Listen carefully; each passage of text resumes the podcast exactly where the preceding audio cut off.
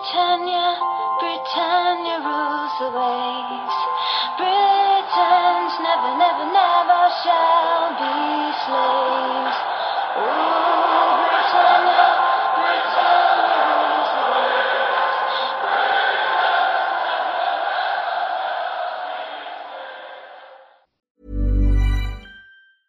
Hiring for your small business? If you're not looking for professionals on LinkedIn, you're looking in the wrong place. That's like looking for your car keys in a fish tank. LinkedIn helps you hire professionals you can't find anywhere else, even those who aren't actively searching for a new job but might be open to the perfect role. In a given month, over 70% of LinkedIn users don't even visit other leading job sites. So start looking in the right place. With LinkedIn, you can hire professionals like a professional. Post your free job on linkedin.com slash people today.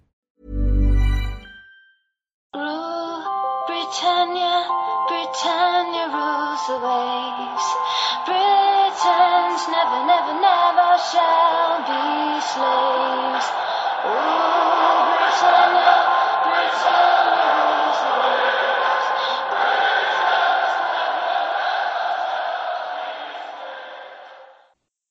Hej och välkomna till avsnitt 139 utav Svenska FPL-podden. Vi står inför Game Week 10. Vi har 12 Premier League-lag kvar i ligacupen som spelas eh, ikväll tisdag och även imorgon onsdag. Det är åttondelsfinaler där.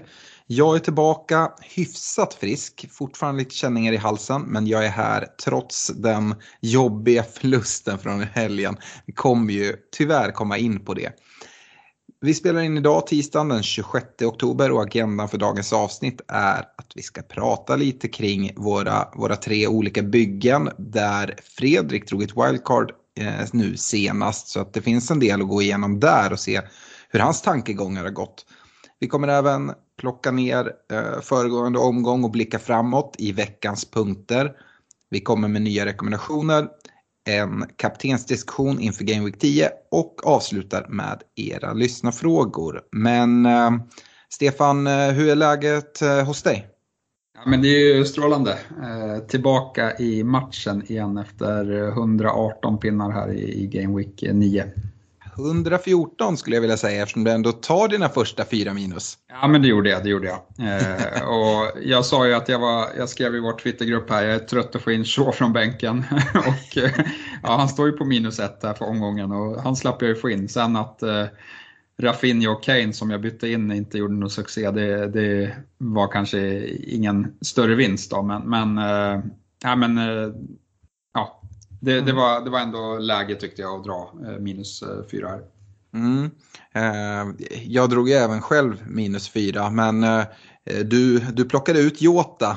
Jag satt ju kvar med Jota och fick hans sköna poäng där och liksom trösta mig med i liksom mitt, min ångest eller min United-ångest där. Så att, det var fint. Men Lukaku och Jota fick lämna för dig.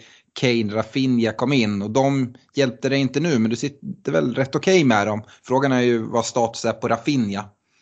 Ja, nej precis. Jota till Rafinha som jag gjorde tidigt, det blev ju inte alls bra med tanke på Rafinhas skada och sen att Jota fick en start här och mot United och, och ja, men gjorde ett plus ett. Mm. så nej, men, men däremot så har jag ju Mount i bygget eh, tillsammans med Salah och eh, de två fixade ju omgången lite på egen hand tillsammans med ett eh, starkt eh, försvar. Mm. Med 114 poäng så är det bäst utav oss tre, men du ligger sist i overall-ranken av oss. Men eh, 78k är nu, så att eh, vi alla tre är liksom topp 80 000, vilket är, är riktigt bra i det här läget. Fredrik, eh, jag, jag pratade ju om att du drog ett wildcard, det blev väl rätt lyckat va? 107 poäng landade du på.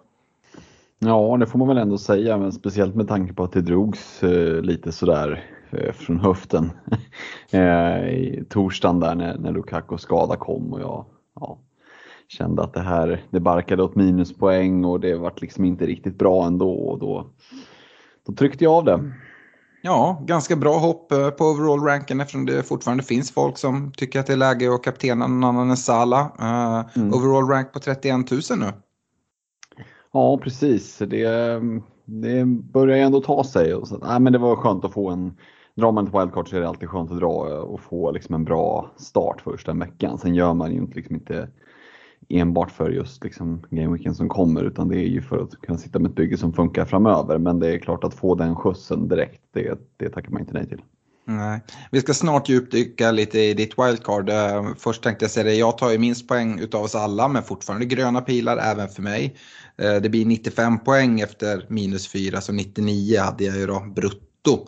Eh, overall rank på 22 000, 5 poäng i totalen före dig Fredrik. Eh, så att det är väldigt tajt där. Då har jag också dragit min bench boost. Så att, uh, det, jag, jag är väldigt nöjd. Trodde väl här efter lördagsmatcherna att det kan bli ganska ordentliga röda, röda pilar. Men sen Eh, i min United-misär så räddade jag ändå Trent, Jota, Salah upp det ganska ordentligt på söndagen ur ett FBL-hänseende i alla fall.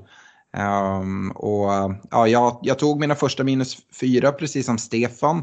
Uh, och ehm, det är inga superlyckade byten egentligen. Men precis som jag nämnde för Stefan så tycker jag ändå att det sätter upp mig så att jag, jag står bra, bra till här framåt. Jag tog ut Traoré och Bamford, eh, vilket jag inte på något sätt ångrar. Eh, plockade in Havertz och Tony. Eh, blev ingen leverans på någon av dem. Eh, hade ju liksom i någon drömvärld kunnat vara Tony och Mount och det hade varit en kanon game week men ehm, ja, det, det, var faktiskt inte riktigt i mina tankar. Utan jag, jag, jag, jag tog en chansning på Havertz som väldigt många gjorde. Var aldrig aktuell för att sätta någon bindel där. Eh, och ja, jag är väl nöjd att jag valde att plocka Traoré före Jota. Men det var faktiskt ett ganska enkelt val. Ehm, ja, det man kan säga om mitt bygge i övrigt är att Cristiano Ronaldo fortfarande är kvar där.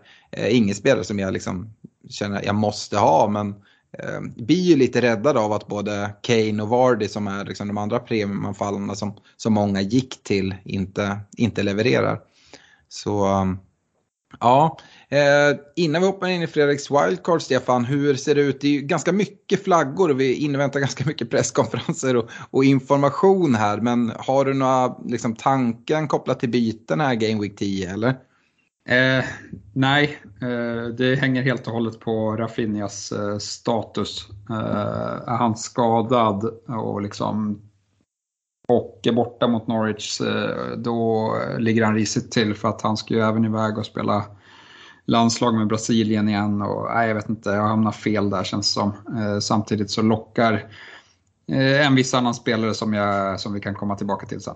Mm, absolut. Eh, jag sitter ju eh, med ett fritt byte till Game Week 10. Min tanke var ju faktiskt att spara bytet här. Kanske kommer landa i det. Ehm, tycker det ser ut som jag kan få ihop ett ganska bra, bra lag. Nu får vi se. Aspelkuetas axel verkar vara lite strul. Spelar inte i ligacupen idag men det ska vara en mindre sak. Man skulle kunna göra ett liksom offensivt sidledsbyte där och göra Aspi till en Chilwell eventuellt.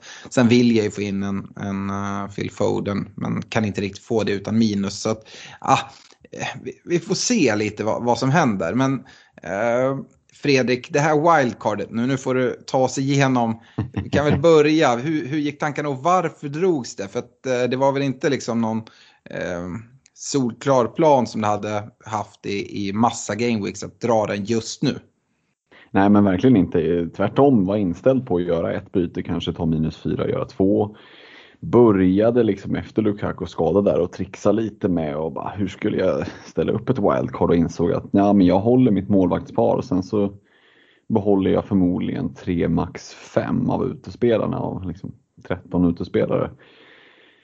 Eh, och då kände jag liksom att nej, det här eh, det är nog värt att liksom titta lite närmre på. Och det som gjorde att jag nog tippade över ändå var nog att jag såg eh, Eh, ja, men, eh, det var någon i vår Patreon-chatt där som skrev att mitt bygge var äckligt balanserat nu och eh, jag kan hålla med om det. Rent strukturmässigt så har jag liksom täckning på varenda jävla prisnivå. Det enda jag inte har täckning på det är att jag bara har en riktig premium. Eh, det är ju liksom den stora uppoffringen jag gjort. Jag har visserligen Vardy förutom Sala men det går liksom inte att gå från Vardy direkt till Lukaku, Kane, Ronaldo, De Bruyne. Den nivån. Liksom. Det är inte den översta hyllan, det är på nästa översta hyllan. Mm. Um, så det är liksom uppoffringen för att kunna få det här i övrigt som jag själv känner är ganska balans, eller väldigt balanserade laget. Mm, du hade ju innan en ganska svag bänk. Var det liksom mm. uh, några specifika spelare du ville få bort med det här wildcardet eller några specifika spelare som du framförallt ville få in? Vad liksom var det som fällde avgörandet där? Eh, ja, det var definitivt ett antal spelare jag ville få bort. Jag satt ju med liksom Luke Eiling och Obafemi. Eh, och, och, just det här att ha två spelare som man är borta liksom definitivt, det var ju definitivt obra. Så gick Lukaku och blev skadad. Eh, så att minus fyra var ju, ja, men det var ju givet att ta. Eh, sen var det lite osäkerhet på några spelare och jag satt liksom med Cresswell Antonio som ju kommer ju återkomma till West Ham senare avsnitt. Liksom, men jag såg möjligheten då att växla ut Greenwood och Sarr och Gray, de här som har tjänat bra och gjort, dragit in mycket poäng. Eh, men liksom växla över till, till sådana spelare som man har spanat mot eh, lite mer. Så det var en kombination av att spelare jag kanske kände att jag eh, ville växla ut men också ja, Alltså man har ju blickat mot City-spelare till exempel. Jag var ganska inne på ett tag att köra både Foden Graylish som jag har gjort i min rek där. Men det var svårt och precis som du så tog jag ju in Kai Havertz mm. Eh, på mittfältet. Det var liksom svårt att undvika när både Werner och Lukaku gick sönder för då var han ju given att starta i den matchen. Jag menar, de gör 7-0 och han är den enda utespelaren som inte kommer därifrån med en return. Det är liksom, jag skulle säga att det händer ju en gång på hundra Eh, så att på förhand, det, det är liksom lätt med facit i hand att säga att det var fel till Havertz, men var det verkligen det egentligen? Liksom mm. det, jag hade gjort samma drag igen inför liksom samma förutsättningar och jag är ganska övertygad om att jag hade fått förmodligen en annan outcome eh, de flesta gångerna. Så. Ja, men eh, ska vi... Ska, ja. Ja, men Havertz hade ju en ganska tuff kväll faktiskt, trots den här 7-0 skulle jag säga. Så inte bara oflyt i det. Utan han hade det lite tufft. Nu får vi se, han gör mål ikväll i, i ligacupen. Uh, hoppas han får fortsatt förtroende här. Det finns ju inte supermycket alternativ. Får väl höra mer info om Lukaku och, och Werner här. Men jag, jag förväntar mig inte att de är tillbaka till helgen. Men uh, kan, ska vi inte helt räkna bort dem. Um, det, det, låter inte som att du har någon ånger efter att ha dragit ditt wildcard, men är det några spelare som du så här i efterhand ångrar lite att ah, varför gick jag på det valet? Det är klart, det är lätt med fast i hand att säga att ah, jag skulle tagit Mount istället för Havertz, men mm. eh, det är inte det jag är ute efter, utan mer så här att ah, där, där kunde jag verkligen ha gjort något annorlunda, där det verkligen stod och vägde. Ja, nej egentligen inte. Alltså, jag kan ju dra igen det lite snabbt mm. sen så får ni som inte är med i Patreon-chatten också höra och se hur laget ser ut. Men det var egentligen fyra avvägningar som jag gjorde. Eh, eh liksom spelare versus spelare och det var dels backduorna Spelekueta Cancelo kontra Reece James och Diaz. Eh, att ha täckning Chelsea City, och en wingback och en mittback. Eh, om man nu kan räkna Aspi som, mitt, som mittback, vilket jag någonstans ändå gör. Eh, och där var jag nog ändå inne eh, lite på Aspi Cancelo men valde i slutändan att gå på James och Diaz. Eh, och det var ju för att kunna ha råd att liksom slippa Timo Pukki i anfallet ungefär. Ehm, Ja, du, du, och, du och jag hade ju lite, lite snack där. Du la ju först upp en, en strategi där du inte satt med, med någon premiumanfallare överhuvudtaget, alltså helt utan Vardy. Vilket jag tyckte var ganska oflexibelt och du sa själv att du gärna ville ha in Vardy. Och så la du upp något läge där du sa så här, ja det saknas 0-1 för råd med Vardy och det här laget. Jag bara, ja, men det är ju, det är ju Cancelo till Diaz så har du de 0-1. Ja, precis. Nej, och det, som sagt, jag tror ju att Cancelo kommer ta mer poäng än Diaz, men tror samtidigt att Diaz kanske är lite säkrare på starter och med då en Reece James i laget så, så känns det så. Men och precis som du är inne på, Vardy eller Gabriel Jesus var ju valet det stod mellan. Mm. Gick på Vardy där dels för att det, han är lite liksom kanske ändå, jag var inne på att det inte går att göra ett rakt byte till typ Lukaku och Ronaldo. Eh, men det är ändå lite mindre pengar som behöver samlas ihop jämfört med Jesus på liksom 8,5 eller vad han mm. ligger på. Det, det, det är ganska stort steg upp till Ronaldo på 12. Ja, um, verkligen. Och sen Jesus ska iväg på landslagsuppehåll här snart mm. eh, till Brasilien. Det var också en del. Det var egentligen samma sak där med Wilson, eh, Jiménez. Valde att gå på Wilson före Jiménez. Jiménez ska spela de där två VM-kvalmatcherna med Mexiko den 13 och den 17 november. Och, ja, vi såg ju hur det gick senast, jag tänker inte gå i den fällan igen. Eh, och sen var det Foden eller Grealish eftersom jag tyckte mig vara tvungen att ta in Havertz så var jag tvungen att välja. Valde Foden. Vi var inne på det tidigare, coin flip. Jag har ju sagt Grealish tidigare, valde Foden, fick bra utdelning på det. Det hade lika gärna kunnat bli Grealish, så det var ren och skär bomtur. Det ska man väl ha så här. Ja. Operera från vischan. Du har väl knappast någon ångest över att du valde Foden. Det är ju den spelare som jag kanske helst eh, skulle vilja få in i mitt lag just nu. Uh, man vet inte riktigt hur. Jag håller ju han och har gjort det uh, en bit före Graylish uh, ändå som det är. Men han fick ju lite vila där också mm. i, i uh, kuppspelet innan. Uh, plockades av och Graylish fick spela 90 så det var, det var liksom lite av den känslan. Så. Men, men jag kan dra igen det lite snabbt, bygget. Kör. Uh, jag, jag behöll ju som sagt mitt målvaktspar i Sanchez och Foster. Tycker att det är faktiskt det bästa paret man kan ha i och med att Sanchez som spelande målvakt, nu spelar ju även Foster. Han har ju liksom snott tillbaka första handskarna och, och ja, som i kommande omgång möter de Southampton hemma medan Sanchez möter Liverpool borta. Det är ingen givet val ska sägas. Eh, men ja, det, man kan få liksom, ha möjlighet att välja på två målvakter, det är aldrig fel. Ja, jag tycker det är värt att säga det här i målvaktsgrejen. De mötte City nu sen jag släppte in fyra. Eh, ja. Sanchez får två bonus eh, ja. och åtta räddningar. Eh, så han, han, landar på fyra poäng trots att han släpper in då, då fyra kassar. Så att eh, ja, det är det man får och det kommer väl vara något liknande mot Liverpool. Det kommer ju bli något bombardemang. Sen så att hur många poäng det blir, ja det är svårt. Jag kanske inte räknar med nollan men eh, det kan nog bli lite andra poäng. Ja men precis, så på så sätt liksom, så är det ju det är inte värt liksom att göra något målvaktsbyte för att plocka in Foster så men eh, kan han hålla sin plats Foster så är det ju väldigt tacksamt om man tänker inför ja, men exempelvis en, en benchboost som jag och kanske många med mig sitter kvar med. Det brukar man ju ofta ha att man måste dra wildcardet innan för att få in då till exempel en andra spelande målvakt. Mm. Eh, kan man sitta med två spelande målvakter resten av säsongen så vore det ju eh, tacksamt. Mm. Eh, men backlinjen då, den landar ju i, eh, jag har ju varit inne på Tierney Livramento, där fick jag downgrada Tierney lite till, till White eh, i Arsenal eh, för att få in de här sista liksom 0 0,5 för att lösa det ekonomiska. Eh, men så, så, White och Livramento får liksom agera eh, ganska mycket bänkspelare då för att göra plats för Trent Alexander-Arnold, Diaz och eh, Reece James. Det är de, den trebackslinjen som är liksom någon, form, någon form av första elva. Eh, mittfältet så är det Sala, eh, det är Havertz, det är Foden, Rafinha och Brownhill. Eh, så det är liksom väldigt är täckt på, på egentligen fem olika prisnivåer kan man säga. Mm. Och sen ett eh, tremananfall då med Vardy, Wilson och Tony. Och där får jag väl liksom, jag har väl, jag ska inte säga sågat, men varit lite skeptisk till Tony. Men det föll sig ganska naturligt utifrån att jag suttit med Obafemi, alltså en icke-spelande tredjeanfallare. Det vill jag undvika.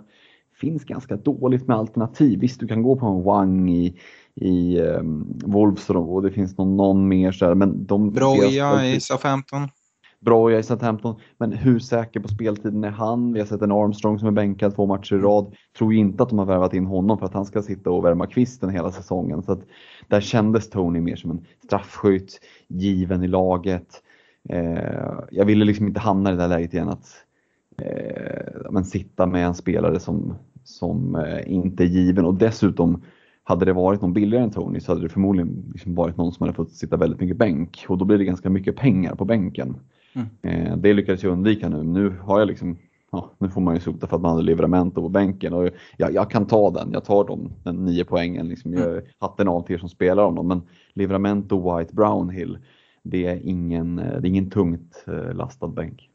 Nej, samtidigt som det är liksom en bra täckning när man väl behöver dem. Det är inga problem att kasta in en Livramento när som helst. Men man kommer få stå med en del bänkpoäng om man nu får liksom alla, alla spelare till spel. Så, så är det väl. Uh, Tony dessutom med fint spelschema nu på kort sikt. Så att, uh, jag tycker att det är ett helt rätt val. Men jag är ju lite, lite mer pro Brentford än vad du är. Får se hur de klarar sig nu när när de blev av med sin målvakt här i, i Raja. Du undvek ju den fällan som mm. eh, målvaktsval och vissa har liksom gått på Brentford keeper. Han bort, blir borta nu ja, typ resten av säsongen. Eh, fyra, fem månader med, med någon knäskada. Så ja, se Brentfords försvar, hur det påverkas. Det var lite synd att de valde att låna ut 4,0 keepern och behålla reservkeepern som kostar 4,5. Det hade ju varit lite spännande med en eh, spelande 4,0 keeper i Brentford så som de har sett ut ändå. Absolut, samtidigt har vi Foster där som du mm. har gått på. Det är, liksom, ja, det är bra val där. Ja. Um, ja, vi kanske ska lämna ditt uh, wildcard-lag där, men uh, då har vi alla tre dragit vårt wildcard och då är vi lika på, på den punkten. Och som sagt, det skiljer bara fem poäng mellan, mellan ditt och, och mitt lag. Uh, och fem poäng och 9000 platser, så det, är, det är tajt där uppe. Mm.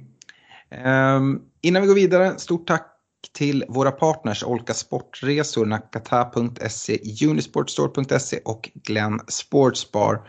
Vi eh, ska även eh, påminna om eh, vår Patreon-grupp och du blir medlem på patreon.com snedstreck svenska FPL, väljer 15, 25 eller 35 kronor i månaden och stödjer oss med. Vi är jätteglada för att det är så många som har valt att göra det. Vi nu missade jag förra avsnittet men jag lyssnade på det och jag tror att ni utannonserade en utlottning av ett eh, till presentkort på 2500 kronor hos Olka Sportresor som vi kommer att hålla. Däremot nämnde ni nog inte när den skulle lottas ut och eh, vi kommer fram till det. Boxing Day är väl en bra dag va? Ja, det tycker vi. Eh, mm. Det kan inte bli mer klassiskt än så. Alltså, på Boxing Day sätter vi upp en livesändning och så lottar vi ut 2500 kronor hos Olka Sportresor och så eh, förhoppningsvis samlar de pengar för att hänga med på, på poddresan som går till våren här i, i april. Första, första april drar vi, drar vi till London, ser Crystal Palace Arsenal på Sellers Park. Uh, mer info om den resan finns uh, på vår Facebook-sida. Eh, men eh, det kommer bli en kanonresa så om ni inte redan har bokat in er där, se till att göra det. Vill ni ha chans att eh, få lite stöd på att betala den resan. Det är halva resan. Ni pröjsar med det här presentkortet på 2,5. Så ja, be bli, bli Patreons. Väljer ni att bli Patreons på 25 kronor eller 35 kronors nivån så får ni även tillgång till den legendariska Messenger-tråden där eh, vi samlar våra Patreons. Eh, man kan ställa lite frågor till oss, man kan ställa frågor till övriga initierade Patreons och när jag säger initierade Patreons så kan man även då ställa frågor till, till Sverige 1 Uh, eh, som faktiskt är i vår, vår Patreon-tråd. Och vad ligger han uh, i overall rank uh, i, i världen? Fredrik, hade du koll på det? Ja, men alltså det är ju... Eh... 16-17 något sånt? Ja, precis. Någonting sånt var det. Jag ska ta upp och kika här vad det var. Eh, äh, äh, äh, vi, vi satt ju och kikade lite på vad det 14, var 14 ser jag. 14, så var mm. det. Precis. Eh, och den är ju kaxig att vara 14 i världen av 8,5 miljoner spelare. Ja, shoutout till Henrik Oskarsson. Eh, det är ju som sagt, det ska hålla i 38 omgångar. Men att det redan ligger på 706 poäng eh, så här långt, det är ganska imponerande. Han tog 133 poäng den här senaste gameweeken och har liksom haft ja, men, så helt galna omgångar sen Sen eh, liksom Game Week 1 så hade han en, en overall rank på 409 i världen. Sen så har liksom den här overall ranken legat där liksom under, under 1000 nästan hela vägen och sen så drog han till med den här eh, drömomgången nu senast med 133 poäng. Så eh, stort, eh, stort grattis till den här fina inledningen faktiskt till Henrik. Ja precis, så man ska säga att han faktiskt hade, precis som jag, Livramento på bänken också. Mm. 9 poäng och trots det 133, det, det är faktiskt kaxigt. Ja, jo, så är det verkligen. Eh, så ja, men se till att gå med som Patreon så får ni chans att vinna de här 2500 kronorna. Och som sagt, eh, hade jag vunnit det och inte varit med i podden och åka med på den här poddresan så hade jag sett till att boka resan för att det kommer bli ja, helt galet. Vi, vi drar ju till London här redan i december. Uh, du, jag och Stefan Fredrik uh, på mm. ja, förra årets vinnarresa i, i Glänresan. Uh, så det ska bli kul. Eh, får se, då, då lockas man ju att gå bort från den här permakaptenen på Salah och, och, gå in på, på Kane eller Son som ska möta Norwich. ja, faktiskt. Det är ju just Norwich också har vi ju sett hur, hur, hur det kan gå. Så att, eh, vi får väl se var, var, vi landar när vi sitter där på Tottenham Hotspur Stadium. Det kan ju vara så att, eh, så att det, det sker att man dras med av stämningen om inte annat. Precis. Eh, men eh, nu ska vi gå vidare till veckans punkter och du och jag pratar väldigt mycket nu Fredrik, så jag tycker Stefan kan få börja och prata lite mid-price mittfältare. Ja, nej, men vi har ju Rafinhas skada här som, som troligtvis håller honom borta skulle jag säga.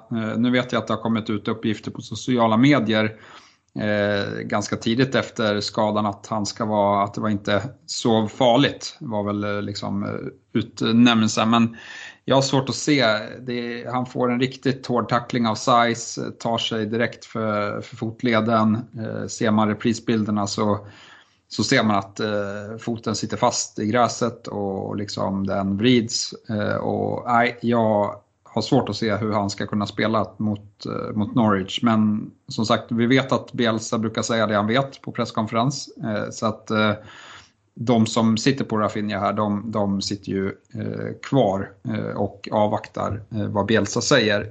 Men, men liksom, kikar vi på, på mid-price-kategorin så, så har vi kanske inte haft liksom, någon panik i den kategorin. Det är ingen som riktigt har levererat. Men, men nu här senaste veckan så, så hade vi ju ja, men både Mount och Foden eh, med, med höga poäng. Jota plockar väl också dubbelsiffrigt.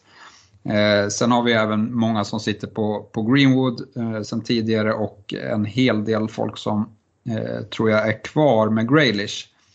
För mig så är Foden den klart, klart mest lysande stjärnan här. Eh, han, han gör ju en jättebra match eh, nu senast, två mål, en ass. Men, men liksom bara att visa upp det spelet som eh, forward eh, nu när, när Ferran Torres är borta, det, det lockar mig. Eh, visst, han kommer säkert inte spela alla matcher, men eh, Nej, men liksom, vi vet vad City kan göra och de kommer göra mycket mål. Och får han spela den där rollen eh, så ja, men, räknar jag med att hans produktion kommer fortsätta. Det gör jag ju inte lika mycket på en Mason Mount till exempel som, som eh, ja, men gör 24 pinnar här. Men, men jag tyck, som satt på honom tyckte att det var en jävla flyt. För att dels så, så är det ju en straff som han slår som är usel. Men han räddas av VAR för att eh, Krol går för tidigt och får slå om den. Och ja, det är ingen bra straff han slår om. Eh, jag tänkte så här, nu byter de ju straffskytt för det får de ju göra. Mm. Men, men, han slog den också och ja, mitt i målet, Krull är jättenära att ta den, han är på den med foten. Eh, men, men så, ja, jätteflytt att, att han får målet där och sen bara så gör han trean av bara farten på, på stopptid. Så nej, den, den tycker jag är lite mer flyt. Sen har visst eh, Chelsea har fina matcher här och han kan säkert leverera men, men jag håller honom långt ifrån Fodens status.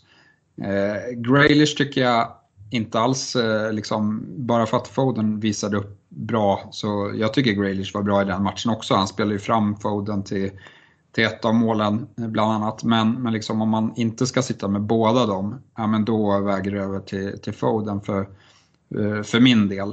Eh, och sen Jota och Greenwood, där håller jag väl Jota eh, högst upp på grund av att jag tycker att Greenwood har ju fått jättemycket speltid här men, men det har gått dåligt för United, det finns alternativ.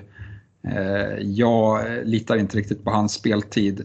Jota, han, han kommer inte heller starta alla matcher. Vilket gör honom, ja, men för mig, inte superintressant trots de här poängen mot eh, United. Eh, jag blev rätt förvånad när jag såg att han startade matchen före Mané. Eh, men, men liksom, jag tror att man kan förvänta sig att det där kommer snurra runt lite från match till match, vilka som startar. Men Jota kommer ju jag räknar med att han alltid hoppar in i alla fall om han inte startar matchen. Så att, helt klart ett alternativ. Jag tycker inte att det finns några så här superklara eh, andra alternativ på mitten just nu ändå. Så att eh, sitter man med Jota så, ja, som Alex sa, det är ingen panik att gå därifrån om man nu har sparat honom så här länge. Nej, det är ju som sagt Foden som, som lockar om man inte sitter med. Som jag nämnde att jag liksom verkligen, verkligen kikar på. Och jag gillar ju Foden lika mycket som du. Och innan folk började protestera, vi pratade att, eh, att Mount hade en del tur med sina mål. Så får man väl säga det, det hade väl Foden också. Men det är ju inte bara exakt liksom den utdelning han får som jag kollar mot och som gör mig så intresserad. Det är ju hans roll just i det här Manchester City. Och Stefan, jag vet inte om du tycker jag går för långt nu. Men bortsett från liksom pris och allting så jag, är, jag tror jag håller Foden högre än De Bruyne just nu.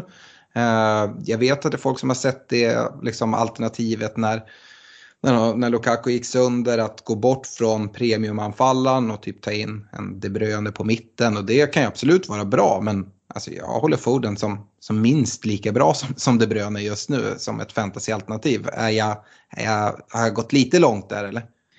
Nej, men pris kommer ju alltid vara en, vara en faktor. Eh, vem som tar mest poäng, ja men som sagt det, det är inte helt säkert och, och, då, då, då kommer jag absolut välja Foden framför eh, De Bruyne med tanke på att det skiljer liksom 4 miljoner mellan dem i pris.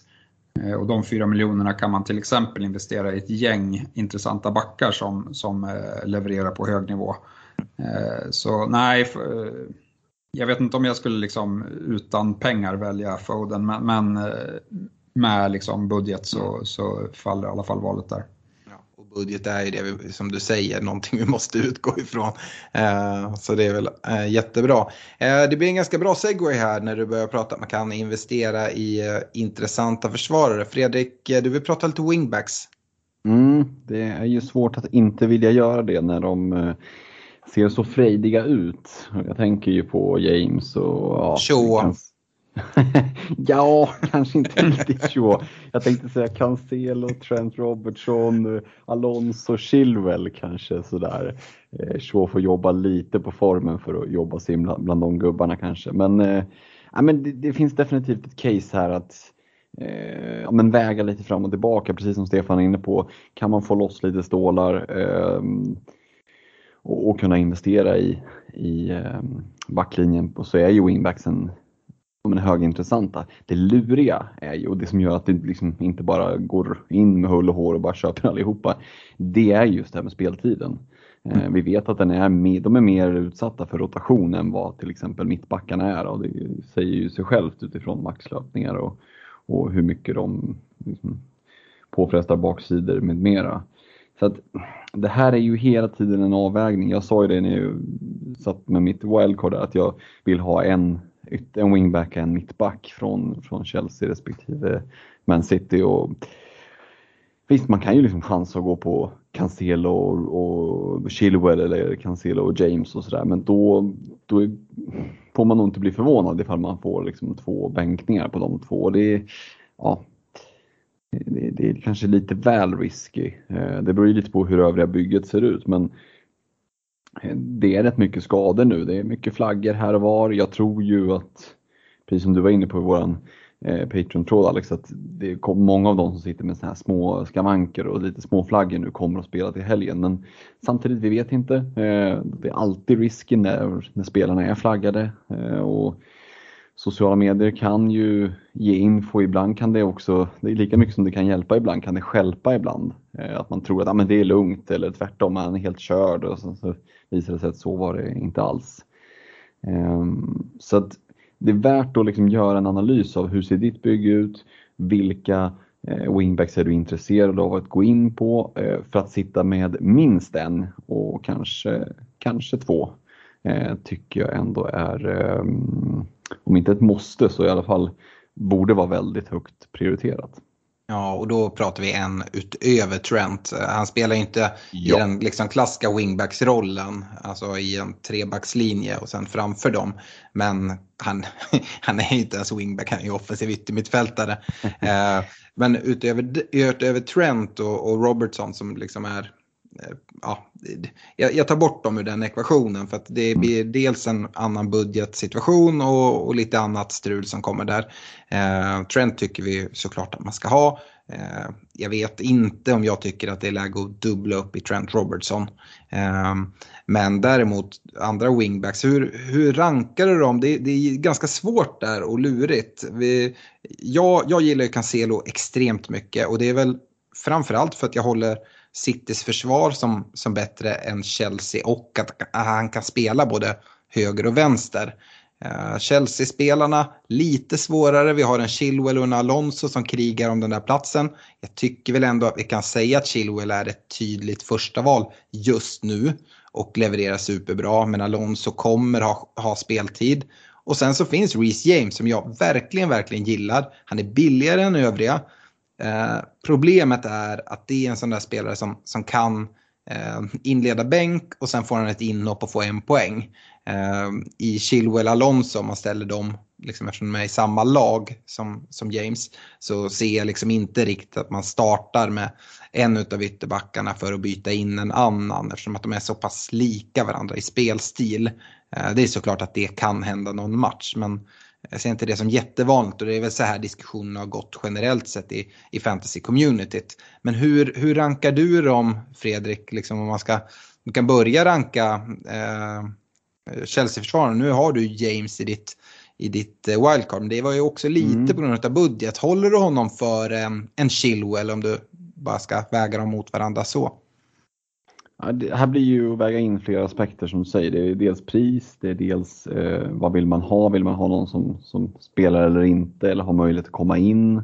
Eh, komma in sista liksom, tre minuterna, den är ju den är taskig och sådär. Men ibland har vi ju sett Torshäll göra byten med en halvtimme kvar. På en halvtimme hinner det hända saker, speciellt mot trötta försvar. Jag vill nog ändå hålla liksom, James som, som knapp favorit i Chelsea-försvaret och det är mycket utifrån det priset. Eh, 5,5, jag tycker att det är oerhört prisvärt. Sitter man med Trent 7,5, eh, det blir mycket pengar i försvaret och vi har sagt att absolut, det är inget fel att gå in och, och plocka från den lite högre hyllan men jag tyckte det kändes bra när jag kunde liksom osthyvla bort eh, dryga halvmiljonen när jag bytte eh, Cancelo och Aspilicueta mot Diaz James.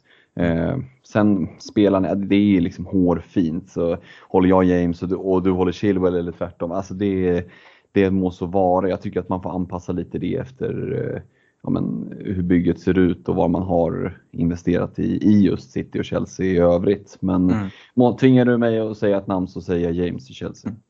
Och det är ju lite sådär att gå på egen magkänsla också. Ja. Eh, men jag tycker ändå Uh, alltså Chilwell är inte mycket dyrare, 5,8 går han för. Jag tycker att Chilwell och James, de kan vara med i den diskussionen. Alonso, ah, det kanske var liksom förra veckans uh, liksom modeord. Uh, nu när Chilwell kommer tillbaka, inte gjort platsen till sin. Det, det är hårt att säga mot Alonso, han kommer ändå få, få speltid i ligan. Men ehm, ja, jag tror, att, jag tror att Chilwell kommer få fler minuter om jag säger så, fler starter. Eh, så att eh, Alonso är ingen spelare jag hade tagit in nu utan i så fall då hade valet varit mycket enklare att gå på Chilwell tycker jag. Mm. Det som är intressant man kan säga det är väl att blickar man mot Chelsea så, så känns båda kanterna ändå intressanta. Eh, och det gör de väl indirekt i City också med tanke på att Cancelo kan spela båda kanterna. Men, men av wingbacksen i, eller av backarna, ytterbackarna eh, i, i eh, Manchester City så känns ju Cancelo som den klart mm. eh, liksom mest intressanta. Kyle Walker där runt 5-5, jag vet inte, då, då blickar jag liksom mycket hellre mot, mot Chelsea-försvararna utan då mm. alternativt blicka inåt mot Diaz i, i mittförsvaret. Men Cancelo känns ju som att han inte har så mycket konkurrens vad det gäller eh, fantasyvärdet för ytterbackarna i City. Mm. Eh, bra Fram, så. Ja, framförallt så tycker jag, gillar, jag gillar ju Chelsea ytterbackarna mer än, alltså jag tycker det är större differens där mot Rydiger än vad det är mellan Cancelo och Diaz. Mm. Eh, tycker jag. Eh, den uppsidan som liksom båda, både Reece James och Chilwell har visat upp är ju enorm. Mm, ja, jag håller med och sen lägre, lägre pris dessutom. Eh, det man vill åt med City eh, framförallt det är ju deras liksom, fina försvarsspel och, och hållna nollor. Eh, sen så absolut chans på, på offensiv utdelning framförallt på en, på en Cancelo. Men jag håller chansen på offensiv utdelning som större på en Reece James eller Chilwell när, när de spelar än en Cancelo faktiskt. Um, yes, uh, jag ska gå vidare och prata om en punkt som vi har valt att kalla jaga inte förra veckans poäng. Uh, och det är väl liksom och kanske vara lite hård men jag tycker man får mycket, vi ser på våra lyssnarfrågor som kommer in och liksom frågor som ställs i hur resonemang i, i Patreon-tråden och sådana här saker. Um, gick man på en Vardy den här veckan eller en Kane, um, alltså att gå och kolla på och byta ut dem den här veckan, jag tycker det är hårt. Man har bytt in dem på grund av ett spelschema. Eh, och här är det då att man då ska byta in den som gjorde mest poäng förra veckan oftast. Och man såg en Mason Mount nu. Och det, det kan jag säga, jag tycker Mason Mount är jätteintressant. Jag tycker en Phil Foden är jätteintressant. Så är det. Och det kan ju vara att man ändå ska byta in en spelare som gjorde mycket poäng. Men du kommer aldrig få de poängen som de tog förra gameweeken oavsett hur tidigt du byter in dem. Eh, Sen så gör man oftast tidiga byten på dem eftersom det är många som byter in dem och då stiger de i pris. Men jag tycker gör lite mer övervägda beslut innan man liksom bara kastar bort den spelare som blankar en game week som du precis har tagit in för att sen hoppa på liksom nästa tåg. Det är väldigt lätt att komma in i snedgungor. Och eh, till exempel eh, Stefan som, som gick på en Harry Kane. Eh, jag, jag, jag vänder mig till dig Stefan, jag tror inte att du sitter och överväger att byta ut honom. Eh, men spelschemat är ju fortsatt där. De ska möta United nu i Game Week 10 och det vet vi hur det ser ut. Eh, och eh, alltså United släppte in fem mål, matchen efter ska de möta Everton, släppte in fem mål mot Watford. Sen kommer ju spelschemat som man verkligen kollar mot för Tottenham med Leeds, Burnley, Brentford.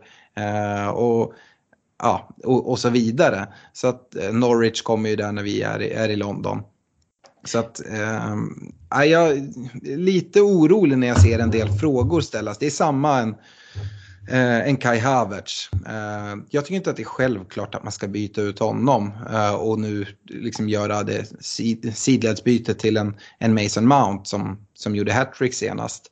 Ehm, med det sagt, absolut, Mason Mount kan outscora honom igen nu i Game Week 10. Så det behöver inte vara ett dåligt byte.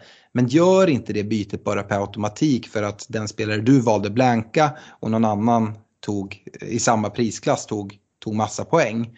Eh, det är inte intelligent eh, fantasyspel fantasy-spel enligt mig. Utan ja, varför tog, fattade du det här beslutet från första början? Och ibland kan det ju vara så att den spelaren man tog in förra veckan, det var ett dåligt beslut och att man då behöver gö göra ett agerande. Så det finns inga, inga rätt eller fel, men gör liksom genomtänkta beslut och gärna inte eh, det är lätt hänt att fastna i jag har, jag har precis råd att göra det här bytet nu och eventuellt stiger den i värde. Ja, i de flesta fall skulle jag nästan säga det är bättre att låta dig bli eh, outpriced från den spelaren du ville gå till och göra liksom göra jobbet, dels se, får jag andra problem med mitt lag? Det är som sagt ligacupen nu här i veckan. Vi ser redan flaggor som kommer till höger och vänster. Vi tror att de flesta kanske gulmarkerade kan falla bort. Men vi kan även få besked att de inte är så. Så står det där så blir det minuspoäng och du gör förhastade beslut med byten som inte heller är speciellt bra så kommer man bara in i så ett dåligt tänk. Bli utprisad från den spelaren då. Och så får du tänka sen om du verkligen, verkligen vill ha honom, ja men gör ett dubbelbyte och ta minus fyra för att få in honom då. Men annars så finns det förmodligen andra alternativ som är, är likvärdiga att göra. Um, håller du med mig i mitt resonemang Stefan? Jag vet att jag bara ordbajsar nu. Ja, nej men det gör jag. Eh, och liksom, du, du tog upp Kane som exempel där. Det, det, var ju ett solklart beslut. Det stod mellan Kane och Vardy för mig. Eh, men, och jag gillade väl egentligen Vardy liksom på, på kort sikt, men jag tänkte att ja, men det blir bara ett extra byte. Så jag köper att eh, liksom, jag har inte superhöga förväntningar på på de här matcherna som, som är. Sen att både United och Everton släpper in fem baljor, ja men då kanske det finns eh, möjlighet för Kane att göra något där. Men det är sen jag vill ha honom. Eh, och, och liksom, nu blev väl det rätt med tanke på att Vardy kanske eh, är borta eller att han skadar sig eh, i, i, i den här matchen. Då. Men, men liksom, det fanns en tanke med det bytet och det, det, är liksom, det står ju kvar. Mm. Uh, yes, Stefan, du ska prata Brentford. Ja, nej, men det här laget måste man ju älska. Uh, jag tycker verkligen att de har uh, ja, men, lyst upp Premier League än så länge. Och alla gånger jag har sett Brentford spela har det varit roliga matcher och, och liksom inte, inte en lugn stund.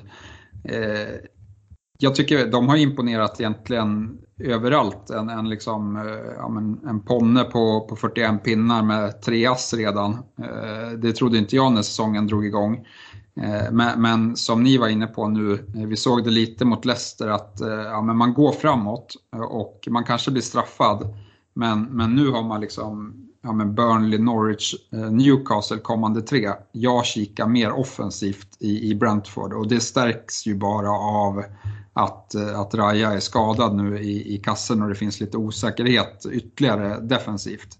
Så, så visst, det finns lite billiga backar där som har tagit lite poäng, men eh, det är inte där jag kikar utan det är framåt där jag hoppas kunna få utdelning. Och, eh, ja, men vi har ju två spelare som sticker ut i, i Mbuemo och Tony som har spelat strikers eh, merparten av säsongen när, när Brentford har varit tillbakatryckta och liksom få, fått kontra, ja men då har ju kanske Mbuemo varit eh, den spelaren som har varit mest intressant för att Tony har kommit lite djupare, spelat target-spel eh, medan Mbuemo har legat på, på rulle och liksom eh, fått chanserna.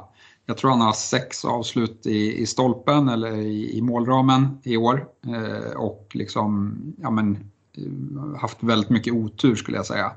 Nu Eh, fick han problem med sin baksida senast, eh, klev ut eh, skadad. Det ska inte, enligt Frank så ja, men tog de ut han i förebyggande syfte. Han spelade bara 56 minuter och liksom, de kommer ju såklart checka honom här under veckan. Men vad jag har läst så ska han ha en mm, chans att vara spelklar till till helgen. Eh, men, men liksom, det är ingen som, sitter man med honom då sitter man och, väntar på besked. Eh, det är ingen jag hade bytt in om han, är, om han inte får klara besked skulle jag säga. Utan då, då får man väl kika på någon annan i den prisklassen om man nu har blickar mot eh, Mbuemo för de här matcherna.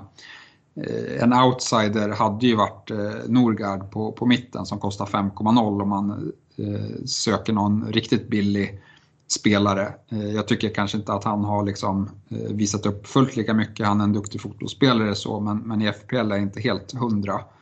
Eh, men, men däremot så tyckte jag att jag, det var mycket lovande av det man såg utav Ivan Tony nu mot, mot Leicester.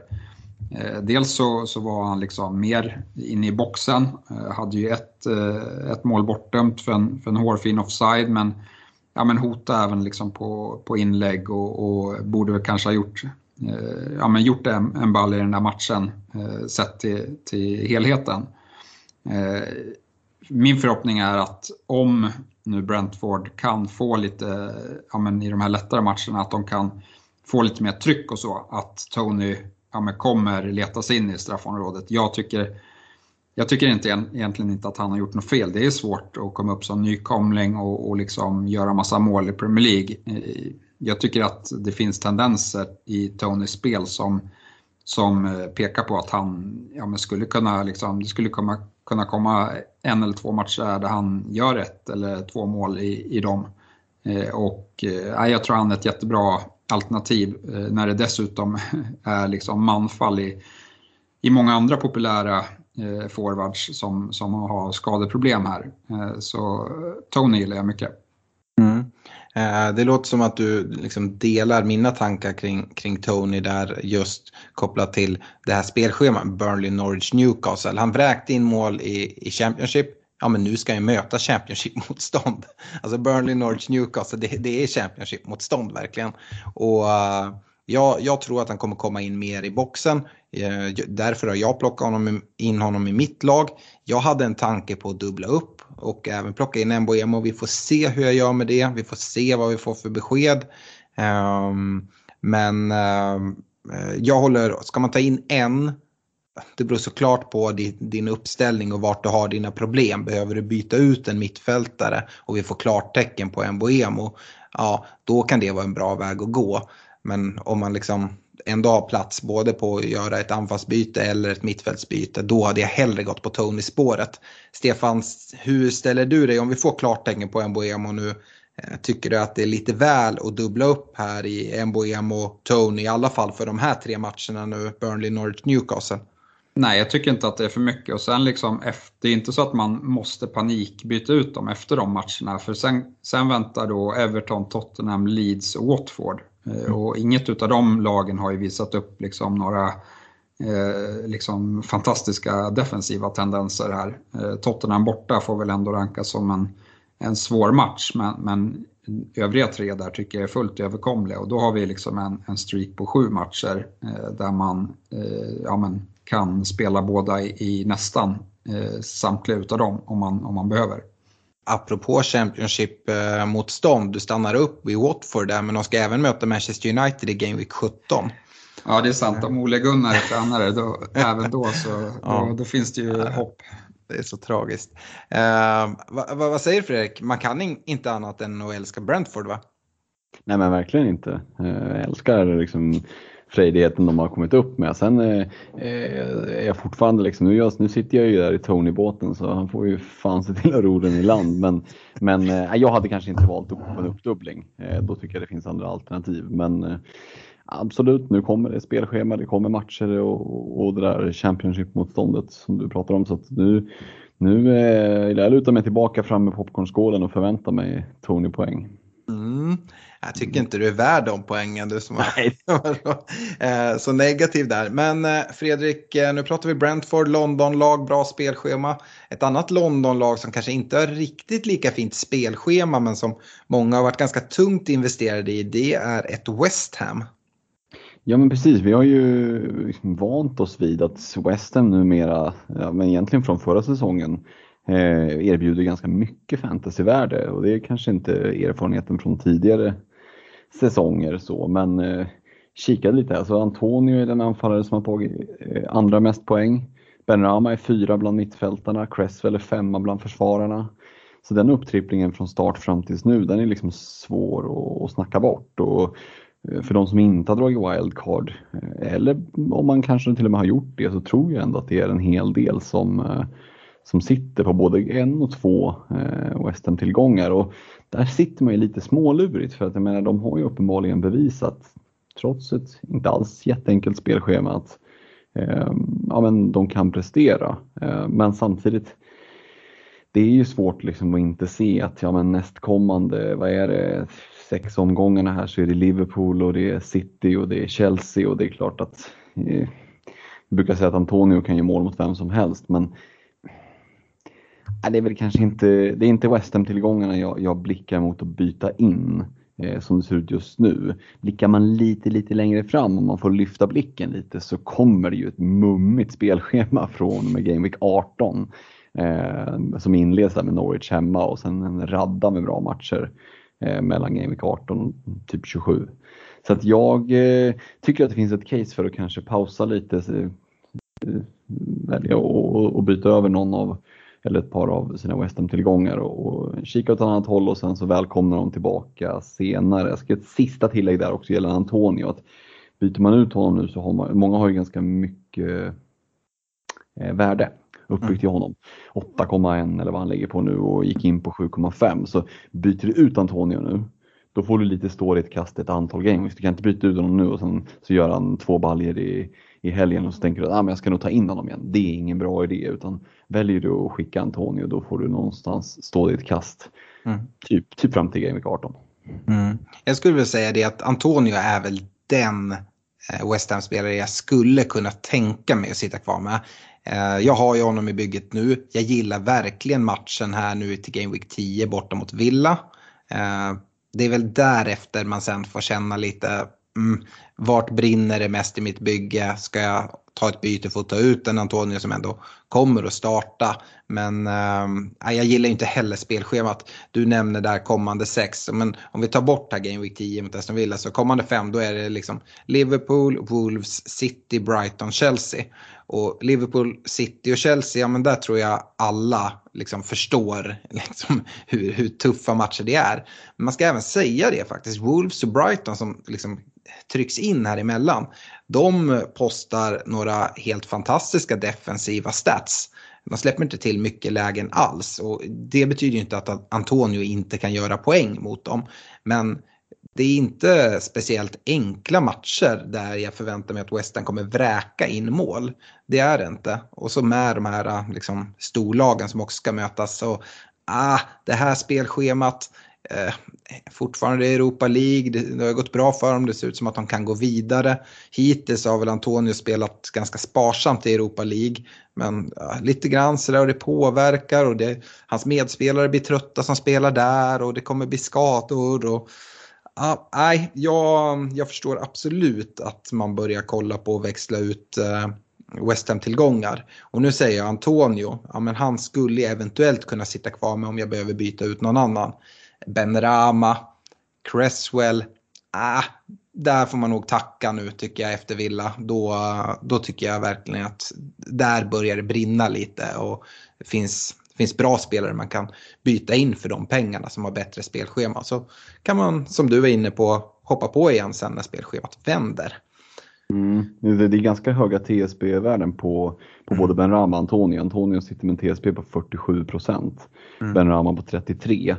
Så det som kan hända om de, det är så att de blankar nu, kanske Villa matchen här, att folk börjar göra sig av med dem, det är att vi får se prissänkningar eh, på dem. Mm, ganska snabbt kan det gå också. Ehm, så, ah, så är det. Eh, jag ska gå vidare och prata sista punkten och den är ju det här uttrycket som jag hatar, eh, permakapten. Alltså att liksom bara koppla bort eh, valet kring kapten, sätt binden på Salla. Ehm, men vi kommer ju bara närmare och närmare. Ehm, jag, jag ställer mig fortfarande skeptisk till uttrycket. Eh, för att just nu sätter jag binder på Salah för att jag eh, tror att han är den som kommer ta, ta mest poäng. Och det är så jag tycker man bör se på det hela tiden. Eh, och det grundar jag i att Salas helt sinnessjuka form. Och det är ju liksom ingen så här form som vissa kan komma in i och göra två, tre bra matcher. Utan hela säsongen sett ut så här. Det kanske har att göra med att många spelare var iväg och spelade eh, mästerskap både i Sydamerika och Europa medan eh, de liksom, af afrikanska spelarna fick en ordentlig försäsong och fick vila upp sig lite. Jag vet inte. Eh, det har nog inte varit någon nackdel i alla fall. Men alltså Mohamed Salah just nu, han är ju helt ostoppbar. Och spelar i ett Liverpool. Eh, en sak jag tycker han har lagt till sig med som, som Mané kanske skulle kunna lära sig lite av. Det är också att han börjar bidra med assist nu. Och man vill ju ha själviska spelare som, som ju tar avslut. Samtidigt jag gillar de här assisten som tickar in. Um, och eh, nej, jag, jag ser liksom, blickar jag framåt nu och kollar Liverpools spelschema dessutom. Så ser jag så här, ja, men ser liksom ingen anledning att, att liksom betta emot att sätta binden på honom. Brighton hemma nu i Game Week 10, vi ska ha en kaptensdiskussion. Jag, jag, gissar att vi alla tre kommer landa i att ja, men det är nog där binden ska sitta. West Ham borta, Arsenal hemma, Southampton hemma, Everton borta. Wolves borta. Alltså, det är inte så att det är Norwich de möter varje vecka, men det spelar inte så stor roll. Dels för hur Liverpool som lag ser ut offensivt, men framförallt hur Mohamed Salah ser ut.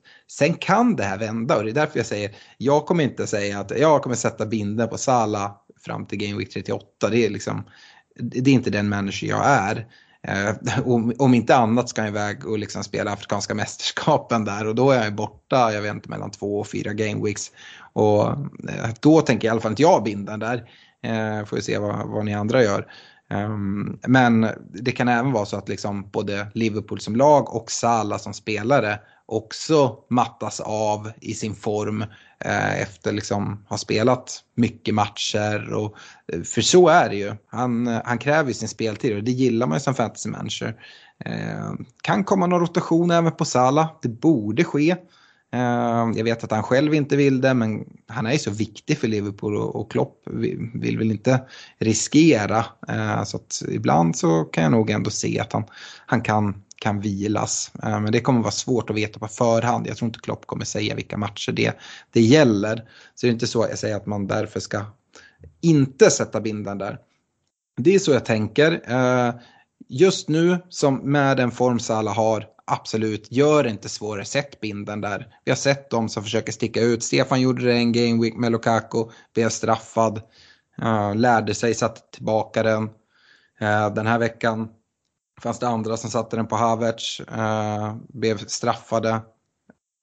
just nu tycker jag att binden ska vara där.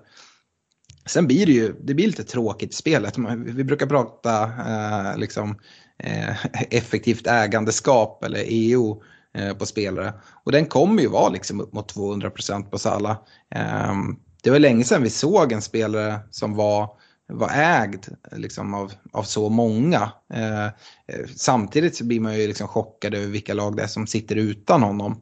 Det är ändå, vad är det, han är nästan 70% ägande nu men det betyder ju att liksom tre lag av tio inte har honom. Det är förmodligen om du lyssnar på den här podden inte jättemånga som du konkurrerar mot. Men om du inte har dem, ta in honom. Eh, det man kan komma till med effektiv ägandeskap, det här skulle jag vilja bolla lite med, med er grabbar. Det är ju tanken och ba, om vi ändå bara sätter binden där som det ser ut just nu. Finns det inte en anledning att bara gå med en premium i Sala? Eh, du var inne på det lite i ditt wildcard att du har Vardy då som är någon liksom semi-premium. Um, Fegesvägen. Ja, eh, och jag, jag talar dig utifrån att gå den liksom helt ut och gå på en Jesus där till exempel. Men du kan ju få ett, eh, vi pratar om de här mid-price mittfältarna som Stefan pratade om tidigare på veckans punkter. Eh, både en Foden och en Mount kanske man vill ha. Eh, kanske Foden, Mount, Grealish på mitten och investera lite tungt i försvaret. Alltså, den möjligheten finns ju. Och börjar man kika på ett sånt lag, alltså, nackdelen med det såklart är att det blir oflexibelt. För det svänger snabbt. Nu hade, den här veckan hade vi en punkt att prata mid-price mittfältare med Foden och Mount, vilka spelare. Men för några avsnitt sen så pratade vi just om mid-price mittfältarna. De verkar spela ut sin roll och många som gick på 5,5 mittfältare och 6,0 och liksom det, det är de man behöver. Så det svänger snabbt. Hur, hur resonerar ni kring att ja, om vi inte ska sätta kaptenen på en Kane, en Salah, en, en Vardy till och med. Ska vi, ska vi äga dem då eller ska vi liksom balansera upp vårt lag och bygga liksom ett riktigt starkt liksom mid-price-lag i, i övriga delar? Stefan, hur, hur ser du på den delen och kopplat till hur oflexibel man blir? Eh, hade jag dragit wildcard så hade jag nog inte haft någon premium eh, annan än, än Salah. Eh, för att det är ingen som jag är sugen på just nu, eh, egentligen. Eh, jag, jag har ju valt att ta in Kane i mitt lag för att eh, jag ser att eh, det kommer fina matcher eh, om några omgångar och han är en enkel väg till Ronaldo när, eh, när Uniteds fina matcher kommer. Och det är ju liksom rätt långt dit, så även vad man tycker om United just nu så, ja, liksom ska de möta Norwich och Burnley och Newcastle så det är klart att Ronaldo har bra chanser att göra mål i de matcherna. Eh, och liksom, det är väl mer att eh, utan wildcard, men då hade jag varit rädd att och liksom dribbla bort mig om jag hade gjort en, ja, men tagit in en Vang eller något. Det finns liksom ingen, det finns liksom ingen mid-price forward jag vill ha riktigt heller eh, här och nu för att ja, men Bamford är skadad, Calvert Lewin är skadad. Jag är inte helt såld på Jiménez. Så nej, jag vet inte. Det, mm. det, det är svårt, eh, men jag tror man kommer undan med, med Salah just nu. för att jag vet inte vilken match jag inte skulle kaptena honom i eh, fram till, liksom, ja, men fram till jul. Nej. Mer eller mindre. Fredrik, eh, du har ju redan varit inne och fingrat lite på det här oflexibla med en premium men gick någon lite så här halv, halvdan väg till, till mötes. Eh, lite, eller det, det, tror jag inte, jag ska inte ge mig det. Men att jag sa det, oj det här ser oflexibelt ut att inte ha någon, någon dyrare anfallare. Eh, ja, Eh, lägg gärna ut texten.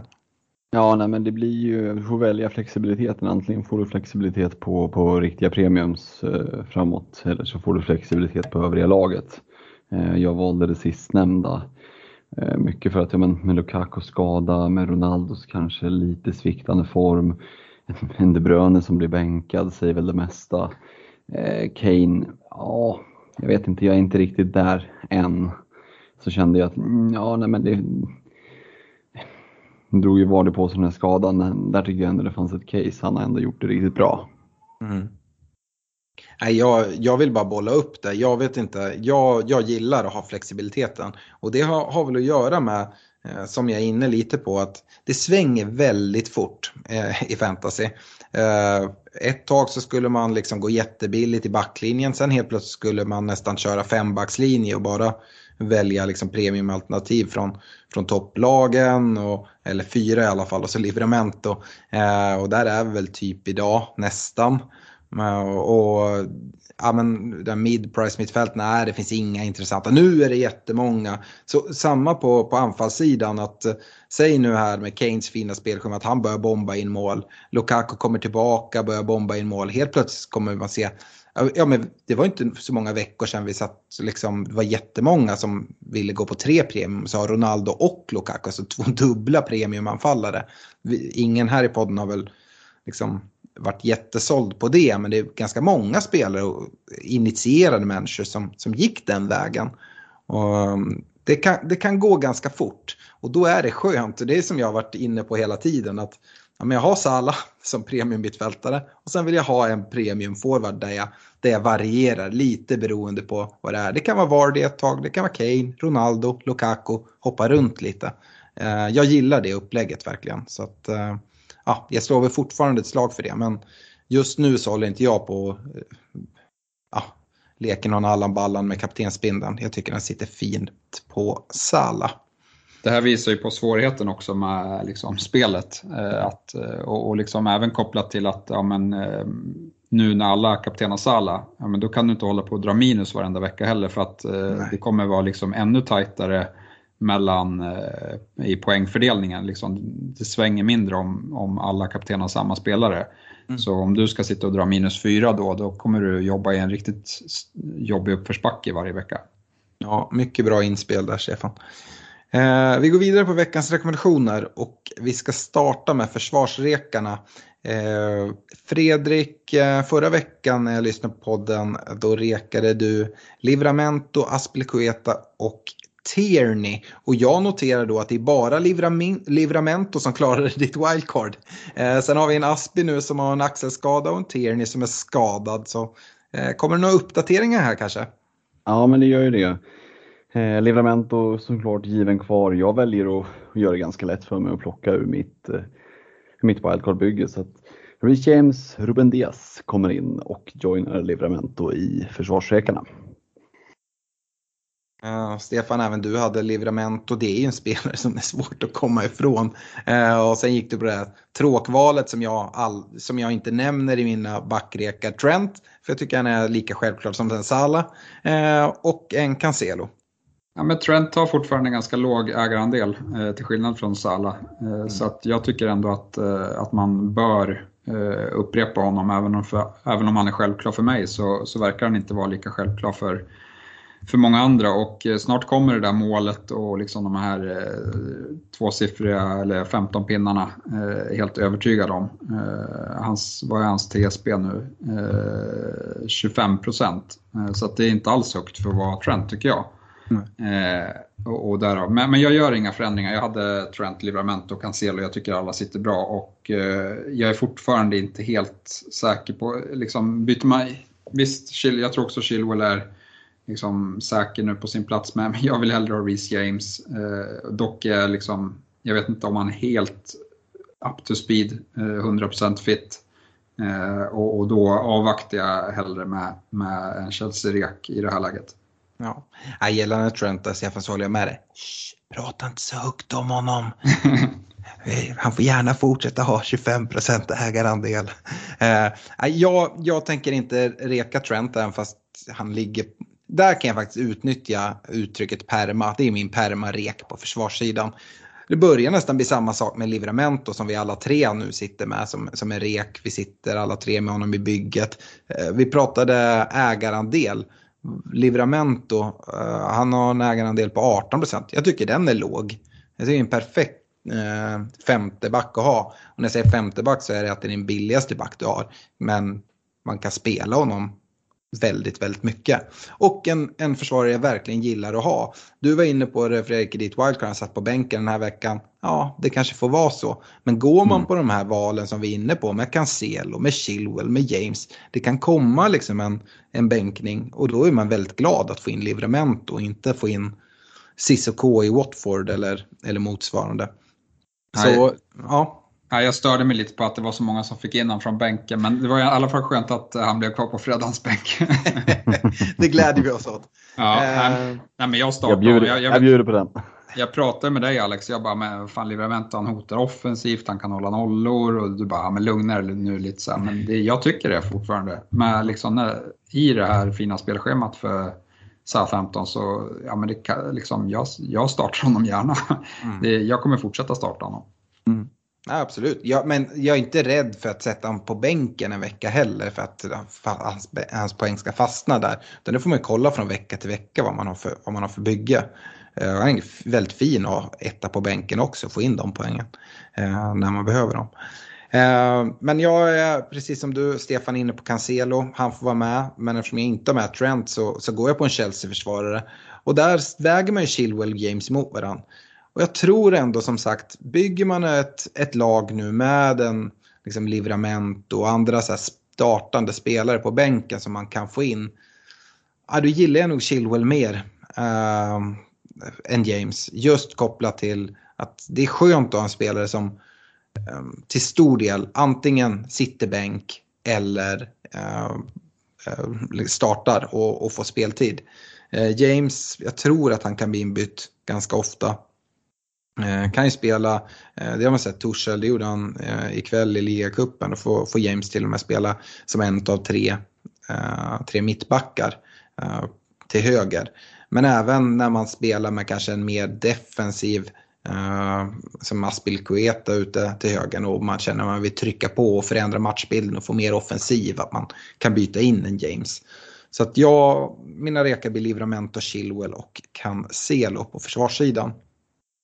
Går man över till mittfältet, eh, där har vi väl alla gjort det. Så från era reka förra veckan att ni liksom inte nämner Sala. Och eh, jag tycker det, det känns bara konstigt att nämna här när det är så många som äger honom och det är självklart. Så att han är inte med, eh, men han får ändå ett omnämnande. Jag har redan pratat med varm om Foden. Därför är han fortsatt är han liksom etta på min mittfältsrek. Eh, han får även ta eh, liksom, sällskap av en Mason Mount i Chelsea och en Emboemo eh, i Brentford. Och Emboemo det är såklart, visst gul flagg, vi får se vad som händer till helgen. Men annars tycker jag att det är ett bra läge att plocka in honom. Mount versus Havertz. Alltså har man valt Havertz så, som jag har gjort kommer jag inte göra sidledsbytet där. Men skulle jag göra valet nu så ah, tycker jag Havertz är också lite kortsiktig. Eh, jag gick på det kortsiktiga. Eh, för jag har en plan att kanske göra honom till, till en sån eller motsvarande här en bit fram. Men ehm, eh, Mount tror jag man kan sitta med en längre tid så får vi väl se lite vad, liksom, vad för roll han får i, i, i Torshälls Chelsea. Men mm, ja, självförtroende borde liksom spruta ut ur, öronen på, på Mount just nu. Så, uh, Foden, Mbuemo och Mount väljer jag och eh, ja, eh, Stefan, du hade eh, Mount och en Boemo förra veckan eh, och även en Rafinha. Eh, jag väljer ju inte att med Rafinha och det är ju av anledning dels att han med den här skadan, jag tror ju inte att han kommer spela i helgen. Och sen så är det det här landslagsuppehållet som kommer igen. Så om man inte har Rafinha så hade jag inte bytt in honom. Hur resonerar du där? Eh, nej, men eh, vi kan komma... Ma, eh, ja, Rafinha han är osäker så därför är han inte kvar eh, helt enkelt. Eh, och, och, så tänker jag och den som kommer in tar jag sist här. Men, men, Mount har jag svårt att släppa honom när jag dels rekar honom och dels plockar an 24 pinnar i mitt bygge. Eh, han var dessutom en outsider-kapten och det, hade, det var rätt skönt att jag bytte till Salah för att det hade varit jävligt surt att se Salah matcha 24 pinnar med, med en jävla eh, differential-kapten. Eh, men, men sen är det ju Foden som kommer in. Eh, som sagt, det, jag tycker inte att det är att jaga poängen, även om han nu tog 18 pinnar. Så det är något, det om det är någon spelare som ska kunna upprepa det med bara att han får starten, då är det ju, då är det ju Foden tycker jag. Eh, så Mount och Foden och sen är det en riktig skräll här och kanske också känns lite som att jaga poängen. Men jag gillar spelschemat och det är Thielemans. Mm. Eh, gjort mål två matcher i rad. Eh, jag har gillat det jag sett från honom. Sen att det har varit liksom drömmål han har eh, smaskat på med. Det är en sak, jag förväntar mig inte att han kommer i mål varje omgång. Men, men han skapar chanser, han kommer till lite, lite av, avslut och skulle det vara nu att att Vardy missar, då är han straffskytt. så så jag tycker att han, eh, i lite brist på annat, får leta sig in här i Rekarna. Kostar 6,4, TSB på 6,0, absolut. Jag, jag är inte lika säker där, men han, han, han, har gjort det bra och jag älskar han som fotbollsspelare. Inte riktigt lika säker på fantasy. Eh, poängen där. Eh, Fredrik, eh, Rafinha Graylish Foden var det förra veckan. Ja men precis. Och, och, eh, nej, men eh, Foden Graylish föga förvånande sitter ju kvar. Eh, Rafinha däremot, precis som jag var inne på, får ju göra plats. Och jag väljer att blicka mot en spelare som jag tycker är ett alternativ för den som kanske åkt på en flagga på ja, vem vet, Ducoré, vi får se vad som händer nu med Mbuemo, med Rafinha. Ja, men det finns ett antal av de här liksom, lower mid-price mittfältarna som eh, som är lite osäkra och får vi ett besked att någon av dem kanske är borta ett tag så tycker jag att man kan blicka mot en Emil Smith Rowe i Arsenal. Tycker han ser riktigt bra ut. Eh, framförallt nu på slutet. Spelschemat, ja det är en del svåra matcher här närmsta 7-8 omgångarna men det är också en del trevliga matcher. Eh, Watford hemma, Newcastle hemma tycker jag ser ut som riktiga munsbitar och för en mittfältare för 5,5 så tycker jag att det är liksom det är ingen du byter in och så måste han spela varje match utan honom kan du byta in för att plocka lite russin under kakan. Så att, eh, sitter man på en skadad eh, low price mittfältare tycker jag att Smith Rowe är eh, ja, men en, en liten bra outsider.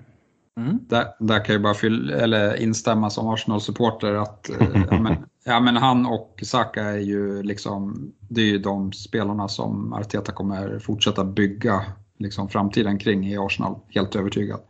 Mm. Ja, och man var lite eh, osäker tidigare på att ja, Smith Rowe kommer han få spela vecka efter vecka. Ja, det kommer han få. Eh, jag var inne på det med Thielemans att jag tycker det är en fantastiskt fin fotbollsspelare. Det är även Smith Rowe. Det är, liksom, det är ingen så här fin lirare bara utan lägger verkligen ner arbetet på plan. Och eh, visst kan han ta, ta fantasypoäng också, det visar han ju nu senast om inte annat. Men Eh, det jobb han lägger ner gör ju också honom ovärderlig för Arsenal på det där mittfältet tycker jag i liksom löpmeter och, och allting. Så nej, eh, absolut. Mycket spelare för pengarna där, eh, bra fantasyvärde. På forwardsidan då Fredrik, förra veckan valde du att gå utan premium, gör det nu också. Jimenez Wilson hittade vi där. Ja men precis, jag gillar det här ordspråket, har man satt sig i, i båten får man se till att ro den i land så att ni anar ju vartåt det barkar. Wilson är kvar och sen, sen eh, får jag liksom nu blicka mot det här spelschemat som, som Tony har eh, och gå all in. Och, alltså jag är ju inte, ja okej, okay. men, men jag är så pass liksom med i matchen att jag ser ju också att det är tre eh, riktigt, riktigt bra matcher här nu närmast och, och sen ser det inte jätte, jättetufft ut eh, efter det heller. Så att, Tony får komma in och som sagt, eh, har jag satt mig i den här båten då kan jag lika gärna bli, bli liksom kapten på skutan också. Ja, och jag har ju liksom skrikit mig hes om, om, om, Tony länge. Så han är ju absolut en av mina forwardsrekar. Tillsammans med en Harry Kane faktiskt. Eh, jag var inne på det. Eh, nu ser det ju ut som att United har bestämt sig för att nej, Solskjaer han kan få lite mer tid. Han har något på G. Jag tror han sa det i någon intervju också. att ja, Vi ska inte sluta här. Vi, vi, vi har kommit långt och vi, vi är väldigt nära där, där vi vill vara nu. Eh, och det, ja, jag vet inte vad man ska säga om det. Eh, men eh, nu ska United åka till London och möta Spurs. ja, kan absolut se att Kane, Kane gör, gör, gör poäng där. Eh, och sen, jag var inne på det tidigare, sen ska de, ska de möta Everton och Everton de har problem nu. Ducoré borta. Han betyder mycket. Jag gillar verkligen Dukore som spelare. Det har jag sagt flera gånger tidigare. Um, så, och sen så kommer Spurs jättefina spelschema därefter med de här lagen som vi har nämnt flera gånger. Jag tycker Kane är en, en bra spelare att kika mot. Så Tony och Kane blir mina forwardsrekar. Stefan eh, Lukaku Jiménez Mm, du har ju redan, Lukaku är ju dels flaggad och Jiménez har sagt att du inte är helt såld på men ändå letade han in sig som en rek förra veckan.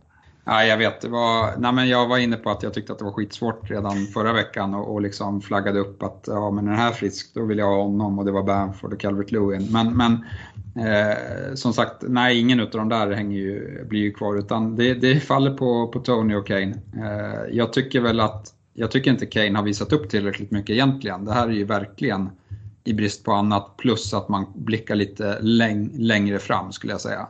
Mm. Eh, sen visst, United Everton, eh, som du sa, det, de har ju uppenbara problem. Eh, och, och liksom, om man kan få ett mål eh, i, i de två matcherna, då är jag nöjd. Eh, och sen så förväntar jag mig mer efter det. Eh, och, och därav så blir han liksom en, en långsiktig rekare. Jag tycker Tony och Kane kan lite komma in i liksom samma, samma snack. Alltså om man tänker Kane Son, Tony Mbuemo. Att eh, när det här enklare spelschemat kommer. Eh, vi ser ofta Kane eh, i lite tuffare matcher droppa ner en bit och liksom fördela bollar. Eh, men när de ska möta eh, det här eh, liksom lätta spelschemat som vi ser. Precis som vi trodde med Tony då, att ja, men då kanske han kommer mer in i boxen och gör de här eh, Championship-målen som han gjorde förra säsongen. Lite så är min förhoppning på Kane. Och här mot United och Everton egentligen så kanske det är sånt som kanske kommer få Eh, kommer göra målen. Eh, för att mål tror jag att det kommer bli. Eh, Spurs är dessutom, tycker jag, ser ganska svaga ut bakåt. Och det kommer innebära att Spurs kommer behöva göra mål. Och, ja, det är i alla fall min tanke på det och jag tror att därför att vara tidig här på Kane behöver inte vara helt fel. Sen så kan han absolut få utdelning i United och Everton också men framförallt sen när det blir lättare motstånd så tror jag att han kommer vara mer inne i boxen. Då kanske han kommit upp i, i form. Jag vet inte om han är för tidig in här på Kane men eh, det är lite som du säger, brist på annat. Eh, nu vet jag inte hur mycket Kane vi ska prata när vi kommer till kaptenssektionen för Game Week 10. Vi har i alla fall en lördags deadline 12.00. Leicester Arsenal är det som spelar 13.30 lördag. Och eh, ja, jag vet inte hur mycket diskussion vi ska ha. Eh, jag är ganska säker på att vi kan stanna kvar på den här punkten eh, och prata lite så här. Om man vill sticka ut kan man gå hit. Eh, men när vi är färdiga med diskussionen och säger vart kommer vi sätta binden själva så är det väl en Mohamed Salah hemma på Anfield mot Brighton, eller hur Fredrik? Ja men så, så är det ju. Det, det här blir ju nästan en sån här pseudodiskussion, metadiskussion om det hela. Eh, vi skulle nästan kunna ha en diskussion om var sätter vi vicebinden om det är så att Salah skulle vilas. För det är klart att Brighton hemma, du var inne på det, kommer det en vila på Salah när man minst anar det någon gång och det är lite kuppspel och sådär jag tror inte att det gör det mot Brighton hemma, men å andra sidan, som du säger, vi, vi kommer ju förmodligen inte få någon heads-up, utan Mané åkte på vilan här i förra helgen.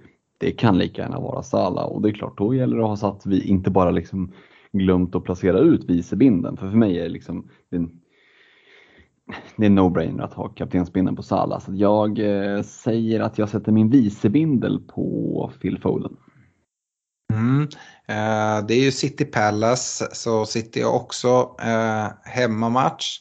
Uh, du, blev, du, blev du förbränd här i, med Havertz och, och Chelsea? Mm. De ska ju bort och möta Newcastle och Newcastle ser inte bra ut. Nej, de gör inte det, men, men och visserligen Havertz med mål då ikväll när vi spelar in här i, i i kuppspelet då, men ja, ja, jag tycker Foden känns stekhet och visst, Crystal Palace har gjort det superbra, liksom all cred till Vieira, men eh, Foden kan ju mycket väl komma och ha lite lekstuga eh, mm. mot dem. Så att eh, där hamnar liksom vicebinden och det känns ju som en riktig så här metadiskussion. Men, men eh, eh, någonstans tillför den nästan mer än eh, liksom huvudbindeldiskussionen för det blir ju i min värld inte ens en diskussion. Mm. Stefan, Stefan, finns det någon oro för en Kai Havertz som, som spelar 90 här i, i uh, ligacupen mot, mot Southampton eller har de inga andra alternativ att, att spela där uppe? Nej, jag vet inte. Jag, jag sitter nöjt med, med Mason Mount. Men jag noterar att han var den enda spelaren i Chelsea som brände sin straff i straffläggningen. Och det, var väl, det, det såg man ju komma efter de straffarna han slog här i, i, i veckan. Mm. Eh, men, eh, nej, men skämt åsido, jag, jag tror inte att man behöver eh, lägga så mycket tid på vicebinden för att även om Salah inte startar, då kommer han väl in, tror jag. och det skulle vara en skada i sånt fall som som stoppar honom. Eh, men, men eh, med det sagt så är jag, jag är inne på att eh, också som Fredan Foden är, är ett bra val. Jag har inte Foden så min, min vicebindel kommer nog landa på, på Mason Mount. Mm. Nej, det är så. Vi kommer alla sitta med Salah-bindeln och det är vår rekommendation till alla att göra.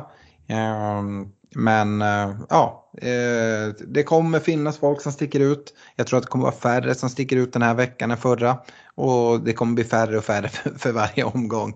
Mm. Eh, det är i alla fall så det känns. Även om vi liksom skulle få en Salah blank så tror jag att binden kommer sitta där veckan efter för, för ändå merparten. Men äh, jag gillar Chelseas match mot Newcastle. Chelsea visar fin form äh, och roterar lite lagom här. Eh, jag skulle absolut kunna tänka mig att sätta en vicebindel på en Ben Chilwell som förmodligen kan hålla nollan mot Newcastle och dessutom har vi sett hans målfacit nu. Jag vet inte hur länge det kan egentligen pågå men så som Chelsea ställer upp och spelar så, så är han ju en extremt offensiv spelare. Så att eh, kan absolut se både assist och, och, mål från, från en Ben Chilwell mot ett, mot ett Newcastle. Så jag skulle kunna sätta en vicebindel där. Um, men jag tycker inte vi behöver stanna kvar här allt för länge vid den här kaptensdiskussionen utan vi ger oss in i lyssnarfrågorna istället. Och varför inte börja då med Carl Kvidings fråga, Fredrik. Vad tror ni om Son som kapten om man vill sticka ut lite? United kanske blir en munsbit för Spurs. Ja, han säger det själv om man vill sticka ut och ja, är det det primära ut målet? Lite! Ja, då, då, ja, nej, då är det ju det, är svårt att antingen sticker du inte ut alls eller också sticker du ut en jäkla massa. Det är svårt att sticka ut lite här. Eh, utan, eh, antingen gör du som typ alla andra och sätter binden på Sala. Och om du av någon anledning inte vill göra det, oaktat egentligen vilken, då känns det lite som att det kvittar. Om du sätter Foden eller James eller Trent eller Son. Det kommer vara lika stor chansning egentligen vem du än sätter förutom Salah. För flyger Salah så som han har gjort nu på slutet då kommer du bli straffad. Men ja, alltså det är upp till var och en. Har man någon magkänsla då, då ska inte jag vara den som är den. Men eh, eh, nu har vi suttit några veckor och, och vad var det vi sa? Och, ja, risken är att vi sitter här om en vecka igen och, och, och säger samma sak igen.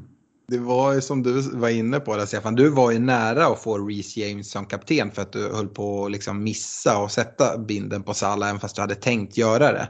Eh, hade det blivit så så hade du fått de där poängen på lördagen och firat som en gud. Och sen så gått in i söndagsmatchen och så här, hoppas att Sala, Sala blankar nu eller inte gör så mycket. Sen så när han matchar Mounts poäng hade du suttit där även om du har han i laget och det egentligen inte gör någon skillnad vart binden sitter. Så hade det till och med känts surt liksom med, med att se Sala poängen trilla in. Ja, det hade varit en rankdödare och, och se, liksom, se de 24 pinnar Naposala ticka in eh, och liksom eh, ja, bli ingenting egentligen. Så eh, jag, jag är nöjd att jag hade Salah som kapten så att man slapp den. Mm. Eh, vi har mycket frågor kring Chelsea. Marcus Ahlgren, eh, han är inne på det här, borde jag sitta kvar med Havertz i elvan efter förra veckan? Eh, och eh, han undrar också om Lukaku och Werner missar helgens match. Eh, Stefan, eh, om man kliver ner i Havertz nu med det här spelet, då får man väl sitta där lite va? Ja, eh, det som skulle oroa är ju om Tuchel går ut och säger att men, eh, Werner och Lukaku de är, de är fit for fight. Då hade jag blivit orolig på riktigt. Eh, ja. För att dels så såg Havertz dålig ut och dels så han spelat 90 minuter i ligacupen. Mm. Men, men om inte det händer så, så liksom, det är tisdagsmatch, det är långt till helgen. Eh, jag tror inte att eh, det är något problem rent fysiskt för Havertz att spela eh, igen. Nej, samtidigt har vi ju pratat upp Foden en hel del. Och man kan göra Havertz till Foden. Oavsett om Lukaku och Werner är tillbaka. Så det är ju det är en spelare som man kan förmodligen sitta lugn med i flera veckor. Hade inte det kunnat vara något ändå? Eh, absolut, eh, men, men då ska man vara säker på att Foden startar också. Alltså, det är bara Chelsea... Pep som kan vara säker där. Nej, men Chelseas matcher, det är Newcastle och Burnley. Får Havertz två starter där så ja, men ska han väl göra poäng tänker jag. Mm. Ja, och jag, jag, tror ju, jag vet inte, oavsett hur allvarlig eller icke allvarlig Lukakos skada är, om vi börjar med han, så tror inte jag att Torshäll kommer vilja spela honom innan landslagsuppehållet. För jag tror inte han vill släppa iväg honom överhuvudtaget. Eh, och då får Lukaku liksom verkligen, just det här, han blev ju till och med tillbaka skickad från, från Belgien för att han liksom hade muskeltrötthet senast. Eh, att skicka iväg honom på ett nytt, alltså precis komma tillbaka från en skada och sen skicka iväg honom. Jag, eh, jag vet inte, jag tror att det ska mycket till för att Lukaku kommer spela eh, innan landslagsuppehållet. Eh, Werner eventuellt skulle kunna komma tillbaka, men det är min gissning. Um, Fredrik, en annan fråga här kopplat till Chelsea. Eh, Johan Lundell, den här frågan kom innan Aspi skada, så vi utgår från att Aspi är hel. Eh, ska man byta ut honom eller ha tålamod och, och liksom, kan man göra bytet liksom mot Reece James där istället? Det blir ju ett sidledsbyte. Nu förändrar det ju lite med, med just Aspis skada här. Utgår ifrån att han är hel, då tycker jag nog att man sitter lugn med honom. Och ganska övertygad om att bygget i övrigt, det finns liksom andra bränder att släcka och finns det inga sådana bränder då sparar man med det bytet, hade mm. jag gjort. Eh, för att ha två byten och, och ja, men det kan, och skulle man då mot all förmodan sitta med samma läge veckan därefter, ja, men då kan man kosta på sig att göra ett sidledsbyte och ändå ha liksom, två fria som snurrar. Eh, men eh, Nej, eh, om vi får eh, info om att Aspi är hel till helgen på presskonferensen, då hade jag inte valt att byta ut honom. Jag hade inte offrat ett byte på det. Nej. Eh, en annan, ett annat så kallat sidledsbyte där man liksom byter en försvarare i ett lag till en försvarare i, ett, i, i samma lag. Det är det Camilla Ljung är inne på, Alonso mot James. Och där kan man väl säga det att eh, Alonso spelar ju 90 idag. Jag har svårt att se, Chilwell blev inbytt förvisso, men jag har svårt att det inte är Chilwell som kommer starta och där kanske det finns ett case att göra ett byte. Men då, alltså, ja, jag tror jag hade lockats att göra Alonso till Chilwell i så fall snarare. Uh, Stefan, eh, hur, hur ser du på sådana här så kallade sidledsbyten? Ja, jag, jag gillar ju James bättre än, mm. än Chilwell. Eh, jag tycker att eh, Chilwell har haft rätt flyt som har kommit iväg med mål de tre senaste matcherna. Jag tror hans XG har varit liksom 0,06 de två senaste omgångarna. Eh, men visst, han tar sig till, till lite positioner och så, men jag, jag tror att James kommer producera mer offensiva poäng än vad, än vad Chilwell kommer göra över säsong. Mm. Och hennes fråga då, Alonso mot James. Eh, det är väl såklart om man inte har så mycket andra bränder att släcka. Samtidigt ser det, ser det väl ut då, om man ska försöka gissa Torshäll, att Alonso får en vila nu här mot Newcastle. Ja, nej, jag, jag, jag, tycker inte att Alonso är ett första val i Chelsea och visst, han kommer spela någon match här, men, men eh, nej, jag, jag, tror han kommer ha minst speltid utav de tre och då tycker jag att det prioriterar, eller är ett, det, jag tycker inte att det är ett sidledsbyte på så sätt, utan jag tycker att man får in en spelare som är mer given. Mm. Um, Nej, jag håller med där. Jag, Aspilicueta däremot, om vi får indikationer på att hans axel ändå håller för helgen, det ser jag mer som ett rent, rent sidledsbyte. Alonso, ja absolut Camilla, där kan det finnas ett case. Um, vi har även många som ställt frågor om Rafinha och det blir ju så. Man har liksom verkligen blickat mot den här matchen mot Norwich under väldigt lång tid. Rafinha var en spelare som jag pratade extremt mycket om. Så här, det är för mycket, för bra värde liksom. Han ska sitta från första till sista gameweek. Jag har inte haft inne honom sen starten. Jag har inte haft honom överhuvudtaget.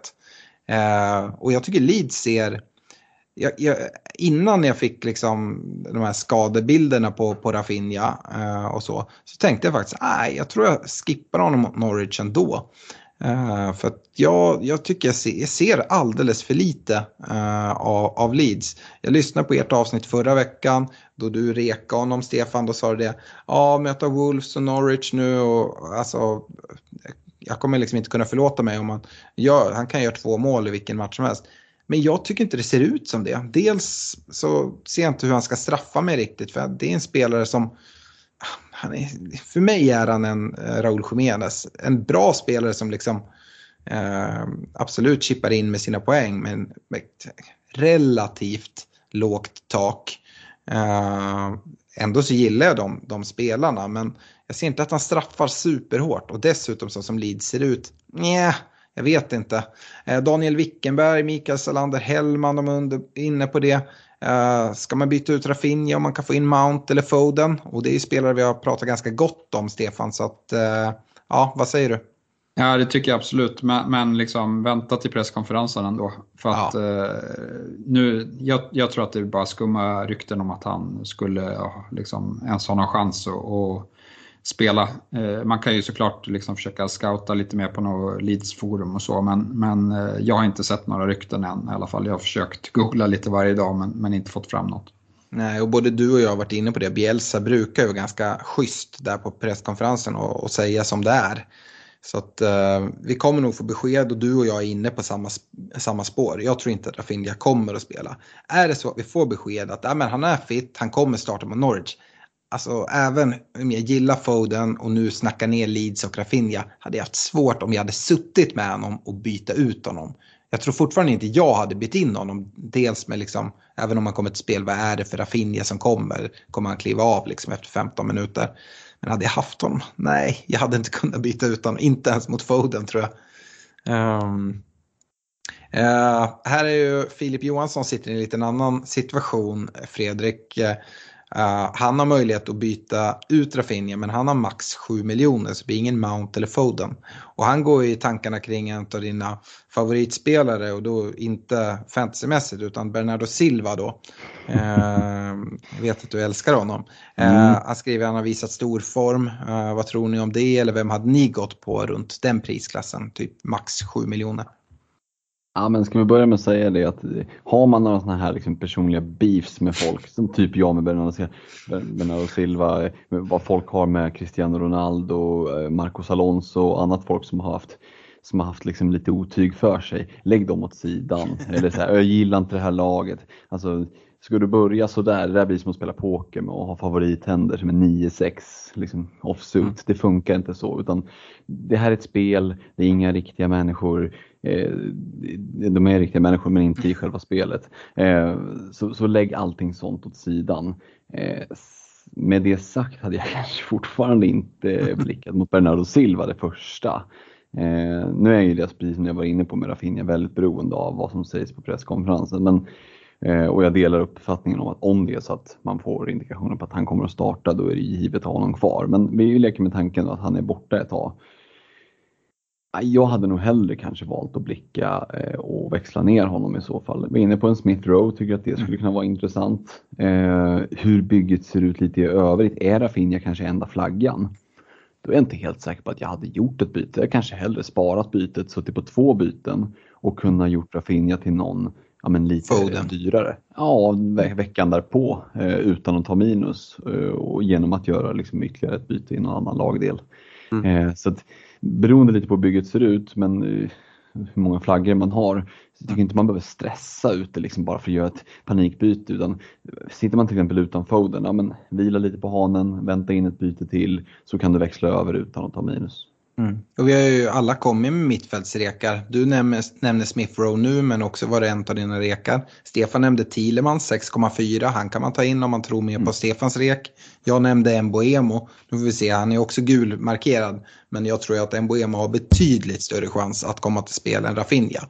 Eh, jag tror ju att Mboemo kommer starta och jag tror inte att Rafinha kommer starta. Men det, som sagt, väntar man på. Jag kan kasta in en till, en riktig outsider. Jag tycker att det är för tidigt, men jag har, det lilla jag har sett av Leon Bailey eh, tycker jag ser extremt intressant ut. Eh, han har ju inte spelat eh, mycket än, men, men han hoppade in senast och, och var bra. Eh, jag, jag, tror att han kan bli, bli något här under säsong. Men det är för tidigt, eh, är ju liksom stalltipset.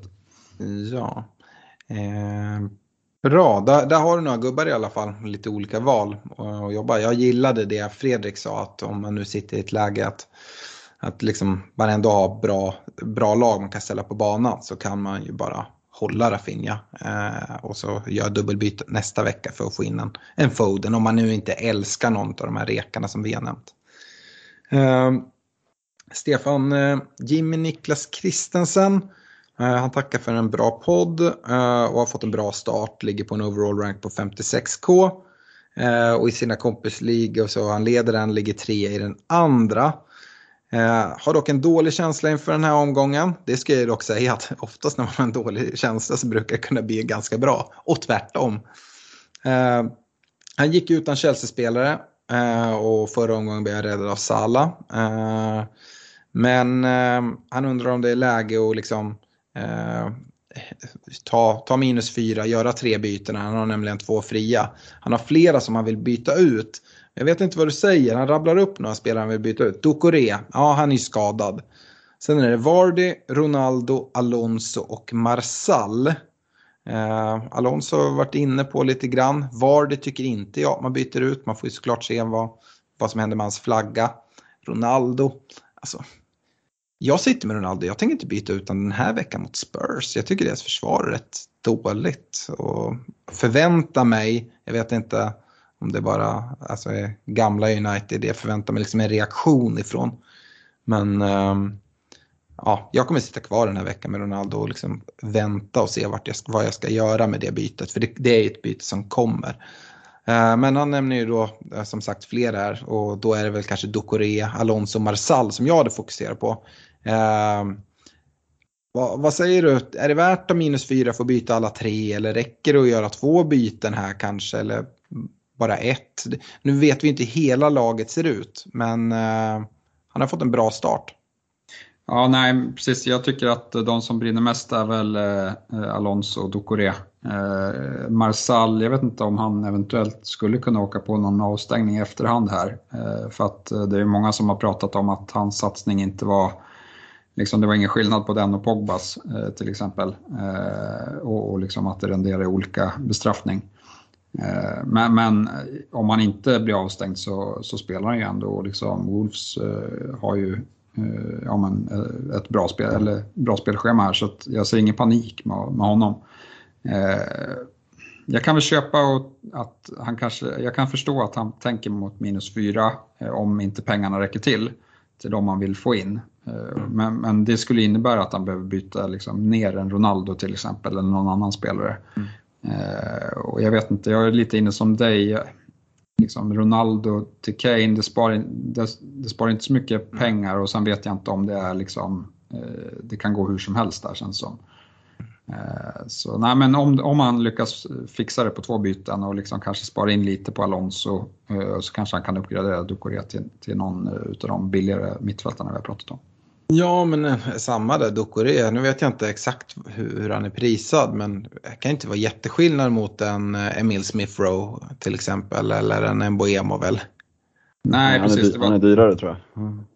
Ja, 5-6. Ja. Så det, ja. det, är typ samma. Eh, lite billigare än Smith Rowe. Och där finns det ju bra spelare så att, ja, men, absolut, det går väl att bara göra det. Eh, vem av dem man gillar bäst, Ducoré, till en Smith Rowe eller en Ducoré till en Mbuemo. Och sen så Alonso, där, är, det har du ju ändå ganska mycket pengar. Uh, kanske kan göra till en Chilwell uh, om man vill, eller en James om man gör det liksom Chelsea-bytet. Annars finns det ju andra försvarare också. Uh, jag, jag, tror det är bra att undvika minuspoäng för dig Jimmy. som ändå, det har gått bra. och det är ingen stress att byta ut de här spelarna i övrigt. Eh, Martin Hulta Hultqvist, han sitter också med Ducoré. Eh, han har en del pengar på banken, 3,3. Så liksom tänker liksom ta bort honom.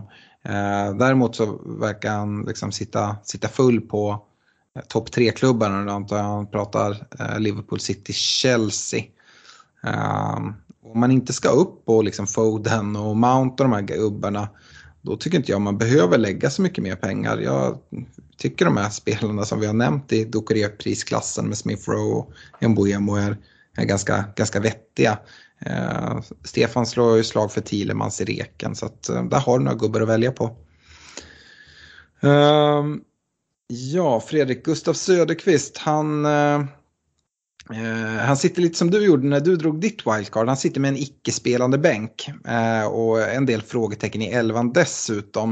Uh, både sett till eventuella skador men även sådana som, som kan roteras. Han har wildcard kvar och var restriktiv med minuspoäng. Däremot har han hela tiden haft sikte på att dra wildcard i Game Week 15. Frågan är, är det läge att dra? Eh, han har ju liksom en icke-spelande bänk och det har han verkligen när han skriver. Han har skickat in sitt lag. Bissoma, Semikas eh, och en, en Norwich-spelare som inte spelar. Eh, I laget så har han flaggor på Rafinha och en Boemo. Eh, och ja, Alonso har han i bygget och, och sådär. Eh, ja, du har ju precis dragit wildcard Fredrik, så um, uh, jag brukar väl säga det, det är bra att ha en plan uh, för när man ska dra sitt wildcard, men man ska inte vara rädd för att liksom, ja, revidera den. Nej men precis, det, det, hans situation påminner ju väldigt mycket om den jag satt i inför förra eh, gameweeken och, och, det jag konstaterade, det som gjorde en av liksom märkliga anledningarna till att jag faktiskt tryckte av det där wildcardet var att jag jag liksom gjorde två byten med ett Fritz, jag tog minus fyra. Eh, liksom inte tryckte igenom det men gjorde det och kände fortfarande att ah, det här är fortfarande mycket som inte stämmer med det här bygget. Eh, och det är, ingen, det är ingen skön känsla att ha efter att ha tryckt igenom minus. Eller trycka igenom minus på de premisserna. Eh, och, och ja, men risken med det här att liksom spara, spara, spara eh, wildcardet är att så hamnar man i ett läge där att ja, det hade jag inte egentligen inte behövt det, men jag måste trycka av det ändå. Och det låter ju liksom märkligt så, men det kommer. Ibland så drar man wildcardet eh, under en säsong precis när man har tänkt sig och ibland så dyker det bara upp lägen där man känner att här kan jag växla över. Eh, jag skulle föreslå just så som jag gjorde. Gå in, eh, telefonen, tryck transfers, ta bort alla spelare i laget och sen så bara trycker du in det bygget du skulle vilja ha. Och så kollar du på hur många minuspoäng skulle det här rendera och står det att det är 28 minuspoäng, ja då är det förmodligen inte så jättetokigt att, att dra ett wildcard för det indikerar ju att det, laget, det bygget du skulle vilja ha är inte det bygget du sitter på. Jag lägger till det, ta bort alla spelare utom Sala, Trent och Livramento som du redan har i bygget som jag ser här. Eh, ja. Och sen kan du börja liksom fingra, du kanske tar in någon, någon mer som du har. Eh, jag tycker inte det är ett dåligt lag på något sätt. Men eh, de, de spelarna måste vara kvar. Eh, jag tycker det är ett bra läge att, att, att ta, ta det här. För att, som du är inne på, göra ett dubbelbyte nu, säg ta, ta, ta minus fyra Eh, det han är osäker på är att få ett startande, liksom, få ihop en full elva. Ska han byta de här bänkspelarna, Bissoma, Simikas och, och Aida i Norwich, ja, men det är svårt att liksom uppgradera så mycket. Han får ju liksom inga pengar. Så man behöver strukturera om laget lite. Så, aj, eh, jag tycker inte du ska vara rädd för att kasta om planerna där Gustav och se till eh, och fortsätta få en, få en bra start här. Ehm, Rasmus Mossvik, han har två fria, tänkte ta bort Ronaldo och undrar vilken väg han ska gå. Ja, det finns ju massa vägar att gå. Men jag sa det tidigare, jag... Ja, jag vet inte om det är rätt game week att ta ut Ronaldo, Stefan. Du var inne lite på samma spår. Nu har han i och för sig två fria, eh, men eh, det är ju vad han ska göra med de pengarna såklart. Eh, nej, ja, ja, ja, precis. Ja, vi har ju pratat om Kane, men, jag tycker inte bytet Ronaldo till Kane är så lockande. Här. Det, liksom, det, det, finns, jag tror att det finns bättre byten att göra i, i, game, i Game Week 10. Så, så jag hade inte gjort det bytet här. Eh, Nej, det är ju, det är ju vad han vill göra med, med pengarna på Ronaldo. alltså han skulle ju såklart kunna ta ut Ronaldo, där vi var inne på att gå ner på att inte ha någon premiumanfallare. Eh, och antingen gå på en premiummittfältare och ta in, vad vet jag, Kevin De Bruyne eller Mané eller liksom någonting sånt och växla om helt.